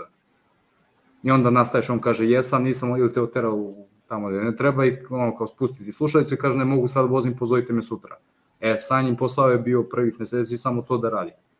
I onda, znaš, ona je stvorila neko svoje okruženje ljudi, ali odgovor na tvoje pitanje zašto ne, baš upravo zato što nama je bilo interes da stvorimo zajednicu koja će naš brend da gura sama, da naši ambasadori budu ti ljudi, jel, naš, gde je naš najveći marketing? Kad stane kamion koji koristi nađi turu na neko ono stajališta za kamione To je naš najveći marketing. Zato što on izađe i ako je, je ono, u smislu, ako je samo jedan kamion, ako je preduzetnik, jeli, ako ima, on sedne tamo, čačka, nađe tur, gleda gde će da se vrati kući i ovaj ga pita šta ti je to? On kaže, pa nađi turu. I to tako ide. Ono, malo ima... To, to je, mi socijalni... Teže svi. Da, da, mi socijalne mreže i ovo koristimo čisto da pričamo priče. Znaš, da, da smo tu, da, da postojimo... Storytelling. Bukvalno, Google Ads i on, znači nećeš naći nigde oglas kao nađi turu. To za nas rade ljudi, zato što smo se mi uključili na drugačiji, mi, mi, ja kažem, o tome ne treba pričati, učestvuješ u koje kakvim akcijama, nebitno je, ali to, to su sitnice kojima ljudi, ono, daš im do znanja da si tu ne samo da ih potapšaš po ramenu, nego da uzmeš ašu ili, ne znam, lopatu da. i da očisti sneg. Ono, kad je bilo, kad su stojali na granici, znaš, mi nađemo te ljude, pa ono, pošalješ im ne samo podršku u tom smislu rečima, nego odeš tamo u vodu, šta god treba, kad je bilo, kad je da. počeo COVID, i takve stvari govore ljudima, opet, ne treba se hvaliti time, ali ti treba da radiš takve stvari ako zaista misliš da nekome rešiš problem. I onda ti kad stekneš takvo poverenje ljudi, kad, kad te ljudi ono, kad shvate da si ti u stvari tu za njih, onda više nema razmišljanja zašto si ti platforma koju treba da koristi. Posle ti je lako da ideš u Bosnu, svako tržište je problematično, to, to stoji, Bosna pogotovo koja ima sve puta dva, od privredne komore, poreske, sve puta dva, ovaj, drugačiji mentalitet ljudi, njih, njih moraš da ubediš, da, znaš, zašto, ko si bre ti, znaš, da meni, ono, znaš, pogotovo Brčko ili Hercegovina tamo, da, da ti njih nešto, znaš, kao, ko si bre ti da meni kažeš da ja treba koristim nađi turu, šta si ti, znaš? Ja sam koristio ovaj cargo agent ili tim okom 10 godina, ti ćeš meni sad tu da prodaješ magu, ovaj, ovo, nađi turu. Hoću. E, e ali to je, to, je, to je ključ uspeha. To je ono secret sauce, što se kaže. Mm -hmm. uh, fenomenalno, fantastično, kako god da kažem ovaj priča. Mislim da si ovo što si ispričao, da je ovo jedna odlična lekcija za sve koji, koji ovaj, žele da se bave biznisom, da, da, da ovaj, razvijaju od, svoje proizvode, usluge i tako dalje i tako dalje. Mnogo toga pametno može, može se izvući iz, iz tvojeg odgovora i primeniti na, na, na druge priče. Izvini, ako smijem samo sad si me to podsjetio još dve samo stvari za nađi turu, koje su jako, jako bitne. A, pored modela biznis novca, ono što smo mi, i to je ono istraživanje što si ti pomenuo na početku, ovaj, jako bitno. Šta je još bio problem najveći u, transporti, u transportu u Srbiji? Što čovek vozi teret iz Niša za Beograd. Bilo šta, krevete, bilo šta, šta god misliš da može na jugu da se proizvode i u Beogradu se prodaje. Ili vozi iz neke. Ali iz Beograda nikad nema nazad za Niš. Zato što se u Beogradu ništa ne proizvodi mislim, proizvodi se u okolini, ali i sam Beograd kao grad, da. jednako, odnosno znači povratne ture. Najveći problem ikada. Mi, ja kad sam radio to istraživanje, prvi put kad sam seo Timo Kom Cargo Agent, ono što sam ja video i to bez ikakvog znanja o, tom, o toj industriji, 70%, odnosno čak i mogu ovako lakoćem da kažem 90% ljudi koji su vozili autoprevoznici, kamiončije, su se vraćali prazni. Ili vrate, i vrate, ili se vrate do pola puta a, ovaj, sa nekim teratom, a od pola do Niša ili do grada gde, gde im je ono kuća prazna. I tu dolaziš, nije problem što je, što je on prazan, dolaziš do onog glavnog problema cene. Ovi iz proizvodnje, ovi koji daju teret da se vozi, non stop kuka, jo, cena 1,2 evra, 1 evro, 0,6, a, skupo, pa jeste vi normalno, naš meni se ne isplati, onda imaš tu proizvodnja staja da te prevoz skup, a razlog zašto je skup, zato što on taj prevoznik naplati njemu duplo cenu, ja zna da će da se vrati na kući prazan. Prazan. I onda smo mi došli i rekli, slušaj, mi ćemo da ti rešimo problem tako što ćemo ti naći povratnu turu, ispovezat ćemo te, nećeš ići direktno Beograd-Niš, ići ćeš Beograd, ne znam, ovaj, kako se zove, Paraćin, u Paraćinu ćeš da tovariš nešto drugo, zbirni kako oni to zovu, transport, pa ćeš da voziš onda za, ne znam, Prokuplje, a evo Prokuplje ćeš na tovariš nešto pa ćeš da ideš u Niš. 3-4 ture, skrpiš i još dodatno zaradiš, e, ali onda ta cena inicijalna od Niška Beograd je smanjena.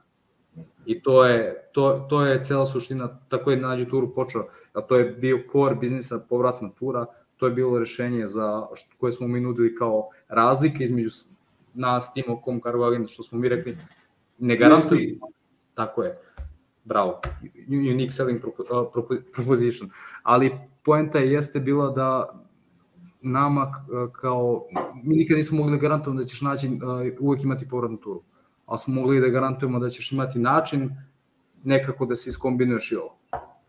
E, to, to je jako bitno za nađi turu i mislim da je to isto i deo ključa uspeha u celoj toj priči. Sigurno je, naravno. Dobro istraživanje, dobri zaključci, dobra strategija, eto. Mislim, sve to lako reći. Jeste, jeste.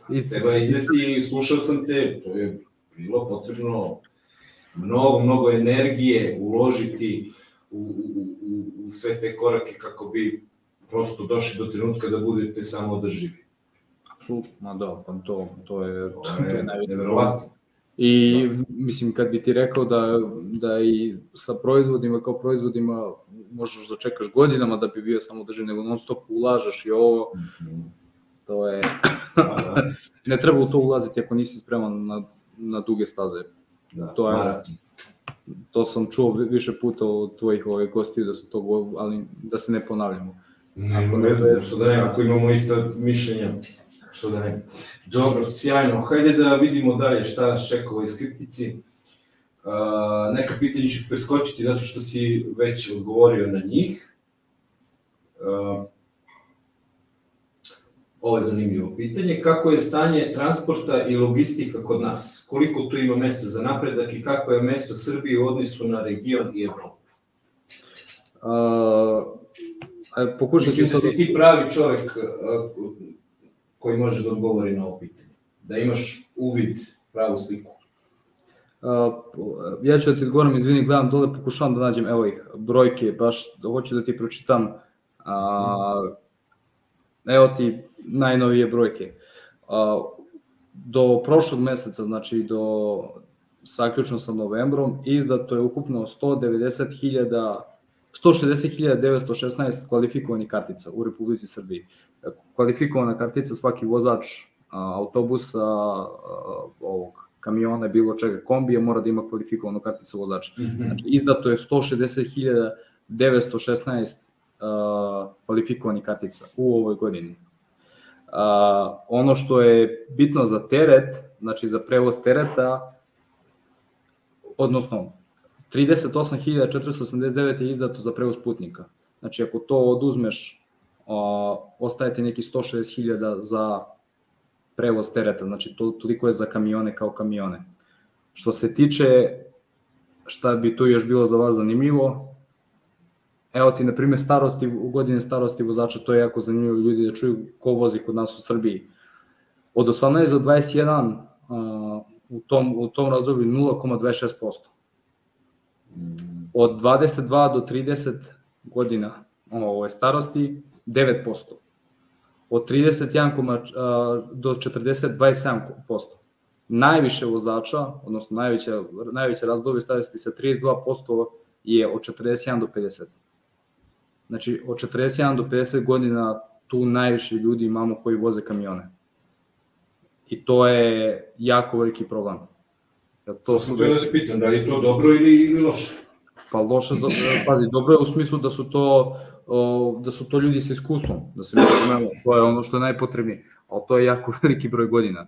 I Jeste. da me niko ne shvati pogrešno, nikog ja ne pocenjujem, ali Naravno. kako idu godine, sta, osoba stari, fokus, vid, a, svašta nešto, ono, može da, da ti se desi da ti skrene pažnju i to je mm, problematično. Znači, ako sam ti dobro čuo, odnosno zapamtio, otprilike malo manje 9, nešto, malo manje od 10% je ta populacija do 30 godina. Jeste, tačno od 22 do 30 je 9%, od 31 do 40 27%. Što nije loše, nije to toliko daleko da se mi razumemo, ali najveći broj, znači procentualno je od 40, je, od 40 do 50 godina. I to, ne kažem da je to neki najveći problem, ali je, evo sad ću ti reći zašto to problem. U Srbiji, znači, u tom, to je bilo objavljeno, sad ti čitam, ovo je Blue Ocean baš radio, u ponedeljak 26.7.2021. politika je objavila to. Za sedam dana tog datuma je, je kažnjeno 8000, ne, 6819 kamiona, vozača kamiona. Znači za 7 dana, to je mesec 7. ove godine, je kažnjeno 6819 vozača kamiona. Od tih 6000, tih 30% su tih od 40 do 50 godina. Zato, zato je to jako bitna brojka. I uglavnom, uglavnom šta su kazne su prekoračenje vremena upravljanja, to su ti tahografi koje oni moraju da popunjavaju, znači voze, voze više od 8 sati i nemaju odgovarajuću dokumentaciju. To ne odgovarajuću dokumentaciju, znači nemaju one CMR i tako dalje. Tako da, to, ti je, to su ti najnoviji za ovu godinu podaci, sad koliko je to bitno tvojim slušalicima ili tebi, ne znam, ali ono što, šta sam teo time da ti kažem, imamo jako veliki rast u tome, odnosno broj vozača, ono što je loše što ti ljudi idu rado u inostranstvu, a, to, je, to, je, to je loše i mislim to može neko da kaže daj, znaš, sad je to politički svašto nešto, ali to je činjenica, ovo, ideš u Nemačku, radiš ono kao bauštel ili tako nešto, voziš takvu vrstu kamiona. Kod nas, zbog ove ovolike gradnje, isto ovih autoputeva, što isto de facto istina, znači gradi se svuda, gde god se okreneš, nešto, nešto se gradi, ima i kod nas potrebe za takvim vozačima i to je sad postaje problem ono što, što svaki dan slušaš ili što pričaju kako dolaze stranci, to je istina. Znači, evo ja sam iz Šapca, taj most koji se gradi između Šapca i Srema, odnosno Klenka, mesta gde je ovo, ja nikad u životu nisam čuo niti vidio nijednog Srbina na tom mostu.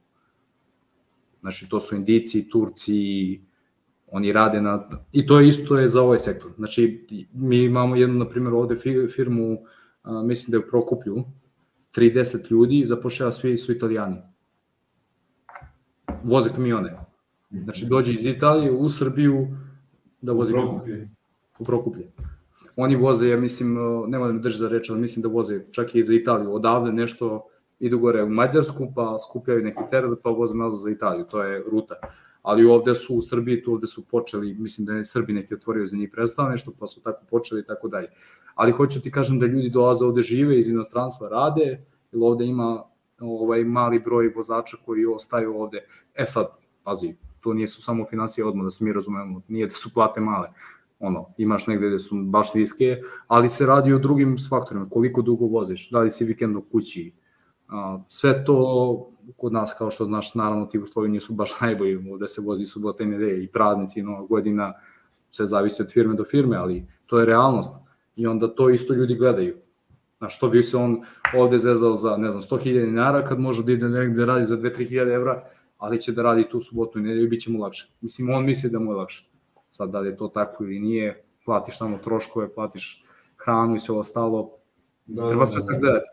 Ali to, to ti je de facto stanje kod nas, mislim da, je, da ono što treba da se promeni kod nas da bi uh, transport i logistika bila polja i zato i pozdravljamo u inicijativu da se sklone granice što pre, na, barem na Balkanu. Otvoreni Balkan. Da, upravo to, u, u, u, u smislu otvoreni Balkan, da zaista transport kao transport, jer to će doneti x drugih nekih stvari, to mogu isto minut da provedem na tome, poenta jeste da najviše vremena i najviše novca se gubi na granici i na carini. Zato što je veliki zastoj, čeka se po 20-30 sati, imaš dva granična prelaza koje moraš da pređeš, papiri, sve o, ono, papirnu obliku, znači štampa se taj CMR, ne daju ti na telefonu, mi smo čak i bili u nekim radnim grupama, tu je bila i carina i svašta nešto, pričali smo x puta o tome kako to i sa ministarstvom i ja ne kažem, svi su voljni da saslušaju, naravno tu treba i novac da bi se to, to je isto proces i kod njih, to je zastarali sistem, sve to stoji, ali poenta jeste da to mora da se promeni i bilo bi iskreno najbolje da se te granice samo sklone a ne da se ulaže u softver i ne da se ulaže u, ne znam, sigurnost u smislu kamera, nego da se skloni lepo ta granica, da kamioni mogu da prolaze bez toga, a to donosi svima nama jeftiniju robu, to je prvo. Upitno je kvalitet, naravno, te robe, znači, to je uvek ono, ali to treba se kontroliše negde drugde, a ne na granici, odakle dolazi ta roba, ali jeftiniju robu, elektroniku koja ti je sve potrebnija, znači dan sve imaš više elektronike, ako ti možeš, ako skloniš granicu sa Bugarskom, koja ima direktno povezan sa Evropskom unijom, znaš, ono, široka su ti vrata. U smislu skloniš granicu, ne možeš skloniš granicu s Bugarskom ili s Evropskom uniji, ali s nekom drugom zemljom koja, je, koja ima, s Bosnom, na primjer, da ti sve 50% jeftinije. Ja i dan dan se, ako neko može da mi objasni kako je moguće da u Bosni, ja kad god odem tamo ja ne mogu da verujem koje su ono cene. Ajde gorivo stavi sa strane, ali sve ostalo, još ti vrati porez na grad, ono kao, hvala vam što ste potrošili pare kod nas, evo vam još malo nazad para. To tako u Bosni radi, znaš, kupiš neverovatne stvari, upola 50% manje cena i oni ti još vrati porez za to. Ja ne znam, kup, ja ne znam kako, je, gde oni nabavljaju tu robu, po kojim cenama, koje su njihove marže, ali oni ljudi tamo, ja ne znam kako on, koja je to, koja je to matematika, razumeš? I dan dan sam u čudu. Skloni granice s Bosnom i ja ću da budem najsrećniji čovjek na svetu. Da, da. A, htio sam da pomenem, sad da se nadovežemo, odnosno promenim malo temu, ali svakako smo u temi. A, tokom pandemije, tokom COVID-19, znamo da, da je vaša platforma a, bila potpuno besplatna. Jeste, da. Jeste, to, je, to je jedan sjajan ovaj, potez vaš, vas kao kompanije. da, Kako su reagovali korisnici? Pa gledaj, ja, ja, ja iskreno ne znam da li neko, ono, da su oni to i osetili baš zbog te cene od 50 dinara. Mislim, ok, jeste bilo besplatno, ali mi smo to više uradili zato što su, kako da kažem, da svi su pričali o nekoj solidarnosti u tom pogledu. A transport i logistika su bili najviše pogođeni. Yes. Najviše, u svakom smislu te reči. To čekanje na granicama, što sam ti pomenuo, ovo, i mislim da je to bila najmanja stvar koju smo mi mogli da uradimo. Mi smo išli dalje od toga, ali... Dobro, niste morali. Da, apsolutno. Mi se radi, niste morali. Ali, ali ono što smo mi više teli time, ono kao, znaš, svi pričaju nekoj solidarnosti, ajde naš dela, daj da vidimo da. mi kao šta može i, i to je bio jedan od, ajde kažeš, činova koje smo uradili i to, ono, koliko god je COVID, evo i dan danas, duše traje COVID, mi smo posle neki ono kad je baš bio problem na granicama dok nisu uvali sertifikate i sve ostalo, ovaj, to je bilo besplatno. Kad smo vratili, ljudi nešto nisu posebno on kao ono reagovali, žalili se ili tako nešto, svi su ono to pozdravili, super, ali mi, mislim da mislim da ti 50 dinara nikome nije pravilo ono neki preveliki sad znaš kao problem da on kaže uf super sad ću da zaradim znaš kao Jel, da, to, je, da, da. to je bukvalno simbolična cena da bi znali da se nešto plaće, da taj servis mora da se plati što smo mi nekome pomogli. A kaži mi kako je stanje u Bosni i Hercegovini i Makedoniji, pošto znamo da ste se tamo ovaj, pojavili na tržištu, da se širite. Makedonija ima dosta više a, prevozničkih firmi nego tereta kao tereta. U Makedoniji ima -hmm. ono, određen broj tereta, ali nije toliko velik kao što u Srbiji i Bosni, ali ima dosta više prevozničkih firmi. Razlog i mi da istražujemo zašto je to tako, prepostavljam zato što voze i za druge zemlje itd. itd. ali dosta, dosta više ima prevoznika kao prevoznika i pojedinaca i kompanija sa 50-100 kamiona. Ali uh, to je Makedonija, a Bosna kao Bosna to je, ja sam ti rekao malo pre, ajde cenama što sam učeran, ali to je zemlja čuda za mene. Mislim, ajde sve što je duplo, ovaj, znači privredna komora, gde se izdaju ti sertifikati, sve je duplo, federacija srpska, sve se duplo radi, svako ima svoje zakone, iako su to jedna zemlja, svako radi na svoj način, ali u, ti meni ne bi verovao kad bi ti rekao da u Bijeljini ima preko 300 nešto firmi koje su proizvodnje koje nešto non stop šalju. Pri, ajde kreneš od montažnih kuća, da kreneš od stvari od metala, aluminijuma koje se izrađuju, znači Bijeljina kako pređeš granicu na Badovincima, pa sve ono prođeš Slobomir i tamo ne znam da si kada bio ovaj, ono etno selo Stanišić i to, to su sve jedno do druge industrije, na samoj granici. Ne kažem ja da to sve ide u Srbiju, ali, ali to negde ide. I, ali Bosna je u tom pogledu, znači Bejina, Brčko i Banja Luka, Sarajevo ne toliko, one nemaju toliko veliku proizvodnju, ali ta tri grada što se tiče tereta, broja tereta koje oni na dnevnom nivou izbace, to je abnormalno. To su, znaš, to su količine koje, prosto ti neverovatno da tako zemlja koja je ono, čuješ sa strane ovo loše, ono loše ima taj broj tereta, znači oni imaju jako dobru proizvodnju, pri, privatnici, znači to nisu državne firme, privatnici koji non stop nešto ono eksportuju za inostranstvo. Tako da Bosni, ja mislim da je Bosna je mnogo bolja sa teretom nego sa samim prevoznicima. Ima, ali ti prevoznici koji u Bosni rade, isključivo rade Nemačku, Austriju i te druge zemlje, ovaj, pogotovo iz federacije, zato što imaju veze tamo naš još iz rata koje je ono, otišao i onda da. na takav način sarađuju.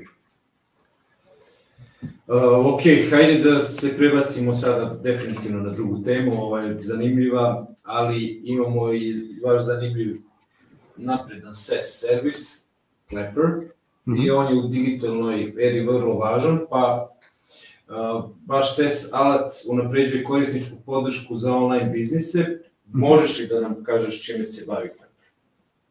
E, Kleper je isto sjajna priča. Kleper smo razvili sa jednim partnerom koji je inače bio naš klijent a, za ovo Paper Gym za OCR, znači mm -hmm. koji je koristio OCR servis za nas i o, jednom prilikom nazove nas telefonom, e, kao imam super ideju, ovaj, ajde da radimo nešto za tehničku podršku. I ja, ja kažem kao, šta bi to bilo, meni je muka, kaže, od onih chat botova, ovaj, ne mogu više kao to, hoću da pričam sa osobom. I, i tu ću zaista skratiti priču oko Klepera, poenta oko celog Klepera nije chat, nego je ovako direktan video. Znači klikneš na osobu, pali se od te osobe video, kod tebe kao korisnik je ugašan sve do trenutka dok ti ne stisneš kako se zove da je ovaj da je upališ kameru i uh, Kleper ima nek, neku svoju trku koju trči, nije to nešto preveliko, nemamo mi tu nešto previše mušterija, to uglavnom koriste veliki kompleksni SES alati. Kompleksni u smislu da je zaista potrebno dodatno da se objašnjava nekome, da moraš da šeruje screen, kako da se koristi finansijski svet, fintech, uh, health tech i tako dalje. Znači da imaš potrebu da ti ono tvojim mušterijama bukvalno objasniš ej, treba da klikneš ovde i tako dalje. E, tu je, tu je ono deklepresija. Zato jeste da cena 29 dolara mesečno, to nije za ono, e-commerce ili tako nešto gde ti imaš malu maržu, ali uh, ono gde klaper ne manjka to je što se tiče kvaliteta snimaka, znači dajemo full HD, koliko god dobru kameru da imaš da je 4K, taj kvalitet će biti ovaj, to, ono, to je ono što potenciramo i šta je ono globalna ideja za Klepro, Znači, zamisli da imaš Kleper na više sajtova i ti kao korisnik, neko ko traži pomoć, danas uđeš na jedan sajt i sutra dan odeš na drugi sajt gde, gde je isto Kleper. Sve te sesije koje imaš, kako ih mi zovemo, odnosno razgovori se snimaju i ti uvek svim sesijama možeš da pristupiš kao korisnik i kad odeš na drugi Kleper, na neki drugi sajt gde ima Kleper, taj koga zoveš već zna ko si, šta si potencijalno traži, znači ta, ta mreža podataka, opet se vraćamo na podatke, ono što hoćemo da izgradimo sa Klepera. I to je, to je, cel, to je cela priča oko Klepera, skraćena verzija. Dobro, ali dovoljno. Um, drago mi je da ste uveli video. Da, video. Video, video. format je samo video. Već. Samo video i znači imaš kao chat sa strane, ali to je više ono da pošalješ fajl ili tako nešto, ali mhm. video je, znači klikneš na osobu, njegov avatar ili video, odmah ti se pali feed, sa njim razgovor, ne instaliraš nikakve aplikacije, ne instaliraš ništa, samo ono, pojavi se osoba ispred tebe i kažeš dobar dan, dobar dan, treba mi to i to. I to je to, nastaviš razgovor. Da. Uh, dobro. Uh, možemo reći da je upravo nastao iz nezadovoljstva mnogih klijenata da dobiju adekvatnu podršku. Bukvalno. Da, ili bukvalno.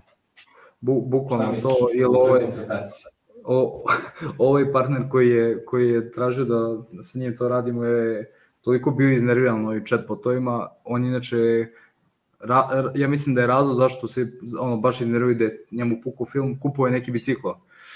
Uh, na nekoj e-commerce platformi imali su tog chatbota, kaže vrteo se 40 i nešto minuta da dođe do agenta prodaje, da pita da li na tom biciklu ima, ne, nemoj da držiš za reč ne, da, da, neko da. čudo koje njemu treba, zato što čovjek ono, bavi se time. I kaže na kraju kad je došlo do agenta, pobelila stranica, pukla na sesije, kako god se to kaže, izgubio čovjek živce i ono, uzme telefon, kaže, ej, Beše, vi ste rad, da, ajde. Ajde, kao, naš da uđemo. Tako da je, da je tu više taj, taj partner četvrti, znači, pored ovo moje dva partnera i Bad Systems, ovaj, to taj četvrti partner više gura i on radi prodaje, on ide i pičuje, ovaj, taj proizvod, mi ono, smo napravili tehnologiju i radimo i marketing za to, tako taj alat ide svojim nekim tokom, ali nama su podaci koje skupljamo najbitniji. Da, da, Naravno uz, uz odobrenje svih strana, to, se podrazumeva. To se podrazumeva. GDPR compliant. Da, da, da, sad sam krenuo da kažem. Da, da. Uh, Pepper Gin, poslednji iz bed sistema, dokaz za bed sistem ide i par koraka napred i nestaje sa inovativnim proizvodima. Pojedna, pojednostavili su proces obrade PDF i drugih dokumenta, pa evo pitanje za tebe, zašto ste se odlučili za razvijanje ovakvog vida softa? Uh, ima i tu isto ovaj ja, ja, ja ću sad da zvučim kao, da, ja ću sad da zvučim kao onaj analitičar neki koji samo baca neke cifre, ali mi smo radili dosta istraživanja vezano za to, ali evo sad ću da ti kažem, ovaj, a, 2018. 2019. godine je poslato putem maila, znači to je istraživanje koje su, koje su radili koje kakvi ovaj, jel, istraživači ili kako god hoćeš da ih zoveš, a, samo da nađem tačan broj. A, desi, desi, desi. Preko 2 miliona PDF dokumenta kao attachment. 2018. Znači 2 miliona PDF, PDF kao dokumenta je poslato kroz Outlook, Microsoft Outlook, kao attachment. Mm -hmm. To je Microsoft objavio kao ono podatak i to je ono možda se nađe znači. na, na tržištu, jeste. I još jedan jako bitan podatak, tržište, ukupna vrednost tržišta ručne obrade podataka.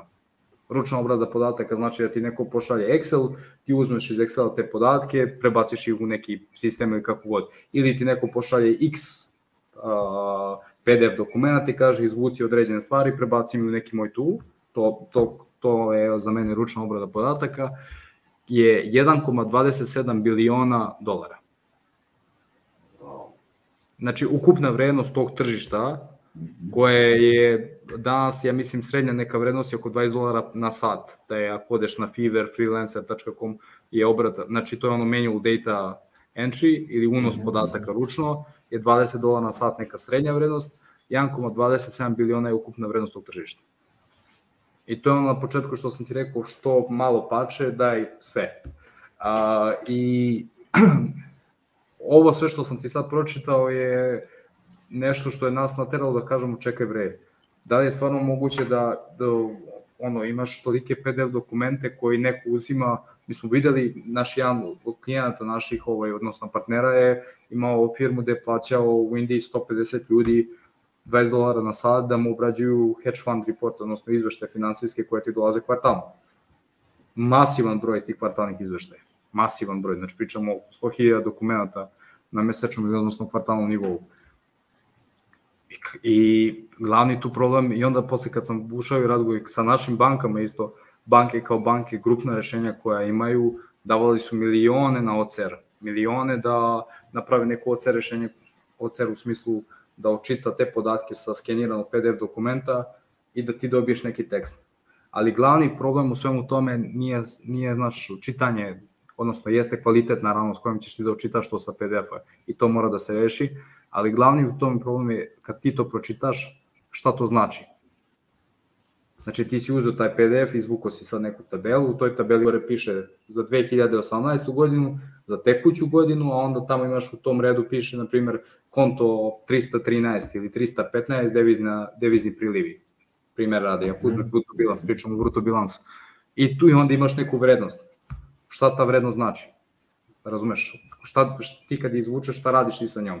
Opet mora neko ljud, neki čovek ili osoba da sedne, da uzme tu vrednost, da uzme copy-paste i da je prebaci u neki drugi sistem. I opet ti plaćaš osobu i to se vrti, vrti i tako dalje. E, to je ono što PaperGene radi, znači tabele, a, ogromne PDF dokumente sa izveštaje koje korporacije pišu, gde možeš da nađeš ono, značajne stvari u tim izveštajima, Znači mi izvučemo taj sadržaj prvo kvalitetno i tu garantujemo 99,6% to mi zovemo confidence level, odnosno level poverenja da je to što smo mi izvukli zaista ovaj, to, da to piše tako. Inače, ako nije taj nivo, mi uopšte ne pružamo nas da kažemo da mi taj dokument ne možemo da obradimo i uh, razumevanje šta ti podaci znače. Znači, kad izvučeš tu vrednost iz tabele, ja ti kažem da je taj podatak vezan za 2000 18. godinu, da je to konto 313 i da je to vezano za firmu gore ako negde ima u, ne znam, na vrhu stranice ili na dnu ime kompanije sa tom adresom. Znači, strukturno ti dam te podatke nazad. I glavni case scenarij koji mi tu imamo je što mi čuvamo, odnosno čuvamo, mi skratimo ljudima operativne troškove da ne plaćaju toliko a, obrađivanje dokumenta, ručni unos podataka, to je glavni case koji mi pokrivamo i tu PaperGene kao PaperGene je jedan od, ono, ne samo USP, nego to ne postoji.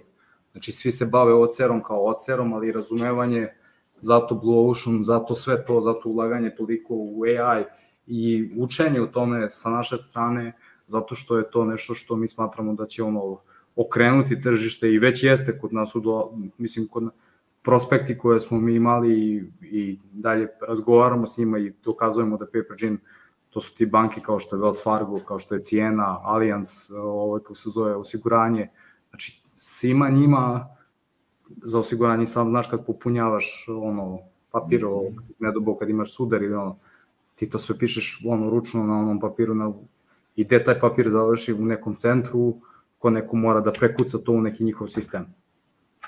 Eto. Da. E, a sad zamisli da uzmeš ti taj dokument, gurneš u skener, to stigne u PaperGene i on automatski izvuče sve to što si ti popuni i baci u, ovaj, kako se zove, u sistem njihov. I to, traje, i, I to traje, ne znam, ako je 1 na 4 sa takva forma, traje minut. To je, to je ono što PaperG nudi i to je po najnižim cenama. Ono što se kaže, nećemo o cenama, neka malo google ljudi koji žele, koji vole, neka pogledaju. Mislim, možemo, ali ne, da, da, da ostavimo malo Ma nije, ne, reći te, nego samo treba ti kažem kad usporediš tu cenu obrade da, zna, da. sa cenom operativnom, ovaj, kako se zove, je smešno. Ja, zaista jako smešno.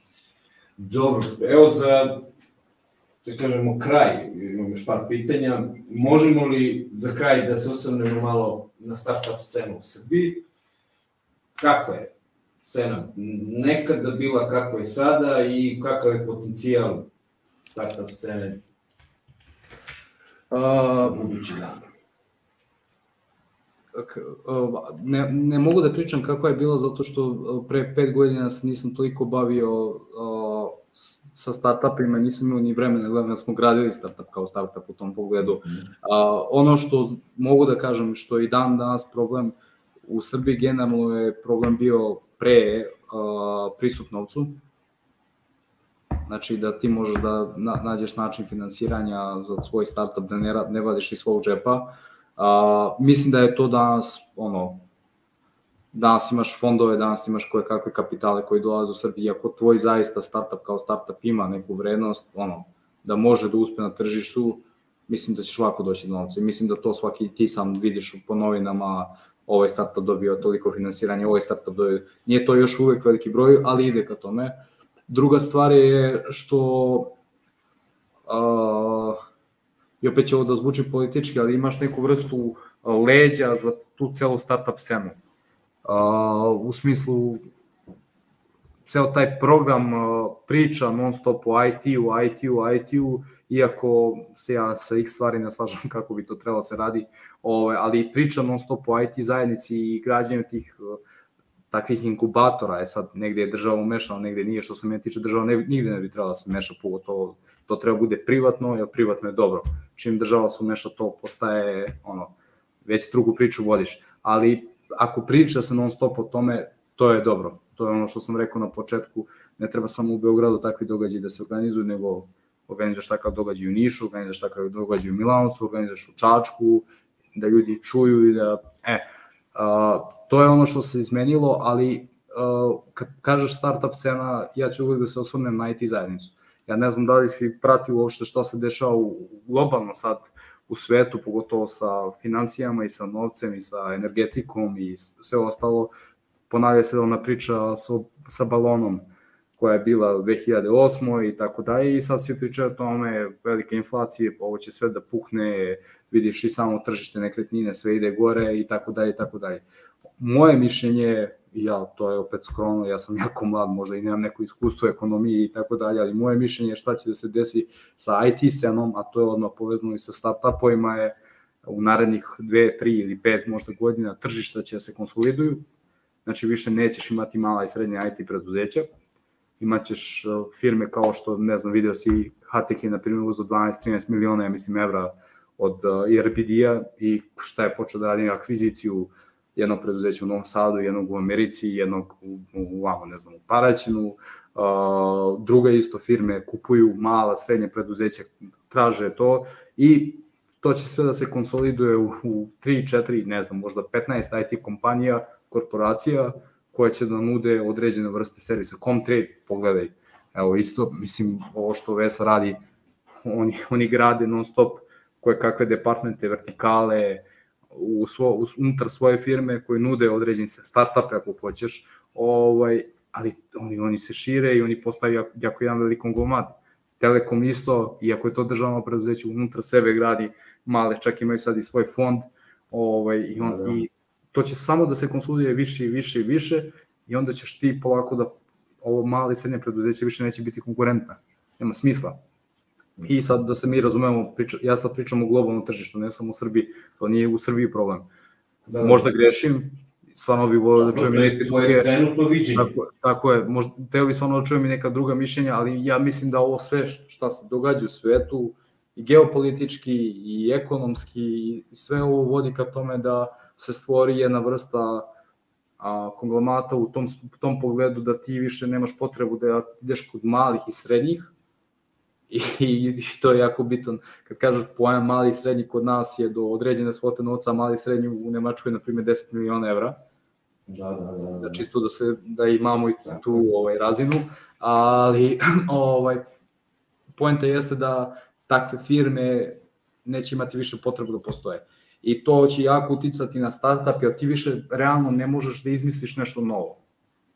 Mislim, možeš, inovacije apsolutno dešavaju se svaki dan, u svakom pogledu, u svakom domenu, ali pričamo o digitalnim proizvodima koje rešavaju problem. Ti danas imaš SAP, na primjer, koji je uzu da reši ERP kao ERP.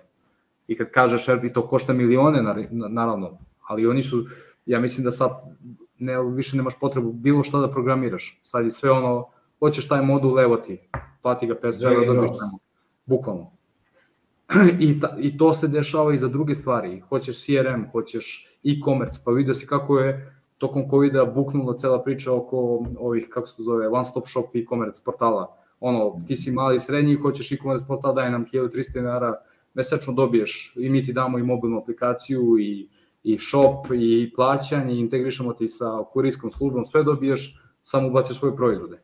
To je buknulo tokom COVID-a to će sve lepo da se, po meni da se spoji lepo u jednu, jednu priču, u ono, da, se, da, se, da tu postoji više korporacija koje rade za određene sektore i mislim da je to budućnost tržišta.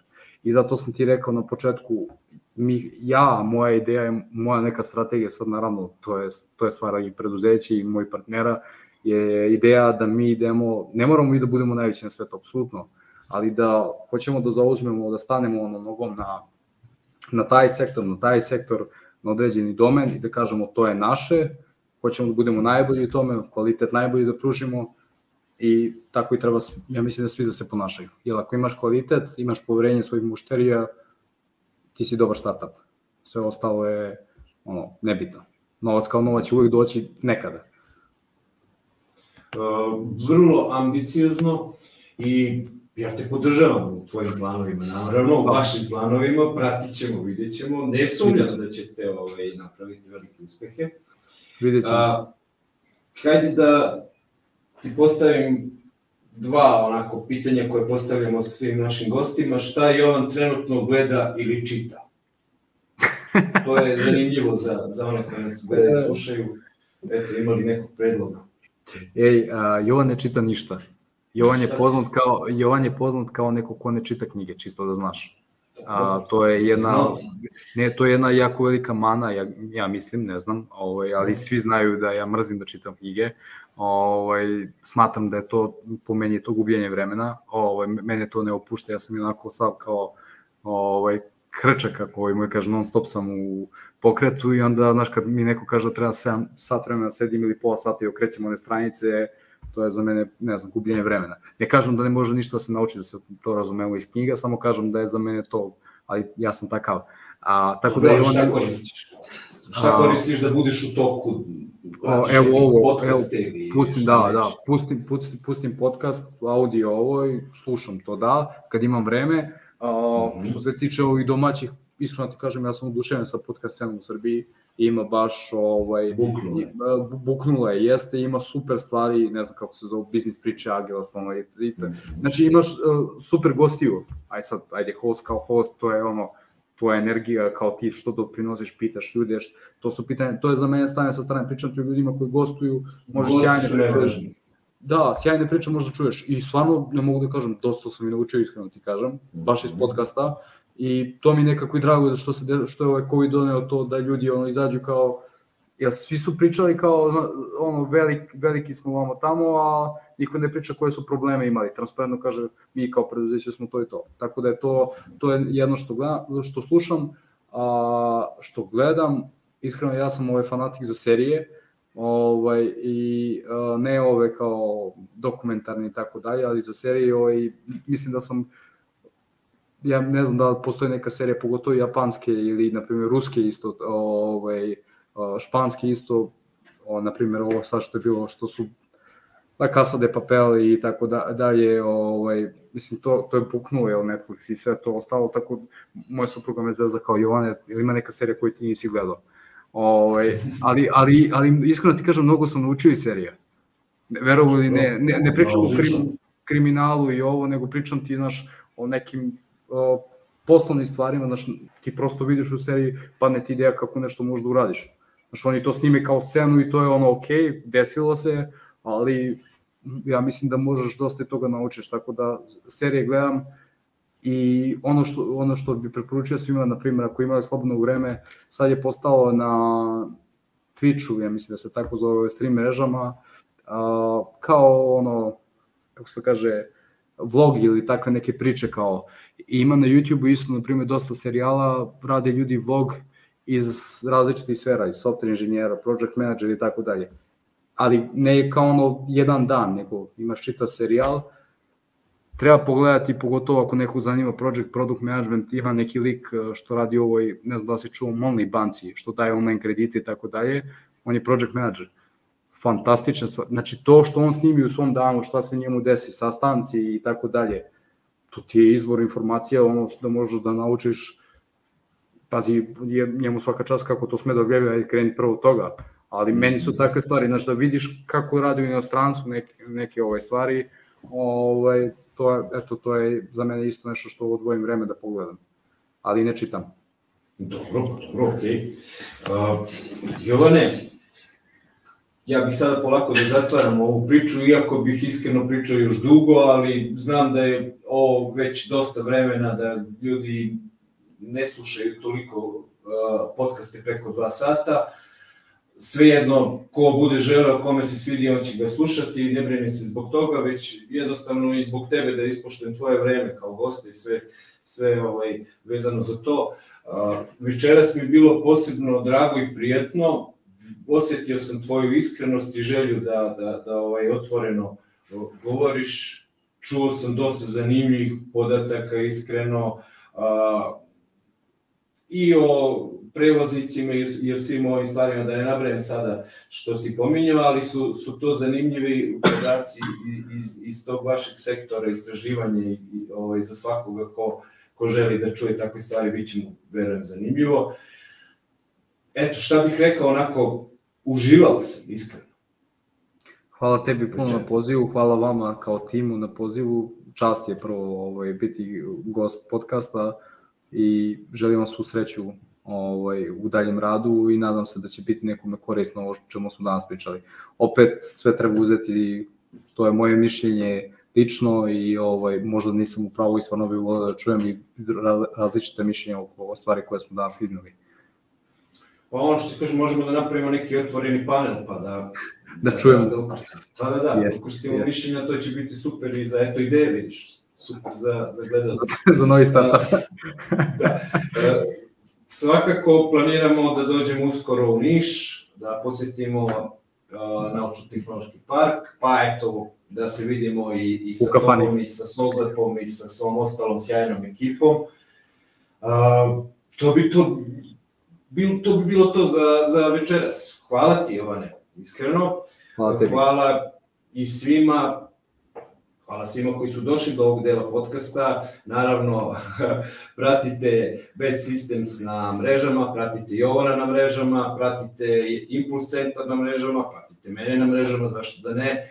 Imaćete sve linkove u opisu ovog videa bez obzira na kojoj platformi slušali ili gledali, pošto radimo i audio podcast, sve linkove, kažem, imate u descriptionu i toliko za danas, toliko u ovoj epizodi. Jovane, hvala ti još jednom, pratit ćemo vaše uspehe, pratit ćemo i tebe kao i do sada, želim ti svu sreću i tebi i tvom timu, da uspete, da ostvarite sve snove, svoje snove, ideje koje imate i tako, bit ćemo u kontaktu. Hvala tebi još jednom, svako dobro. Hvala ti, zdravo svima.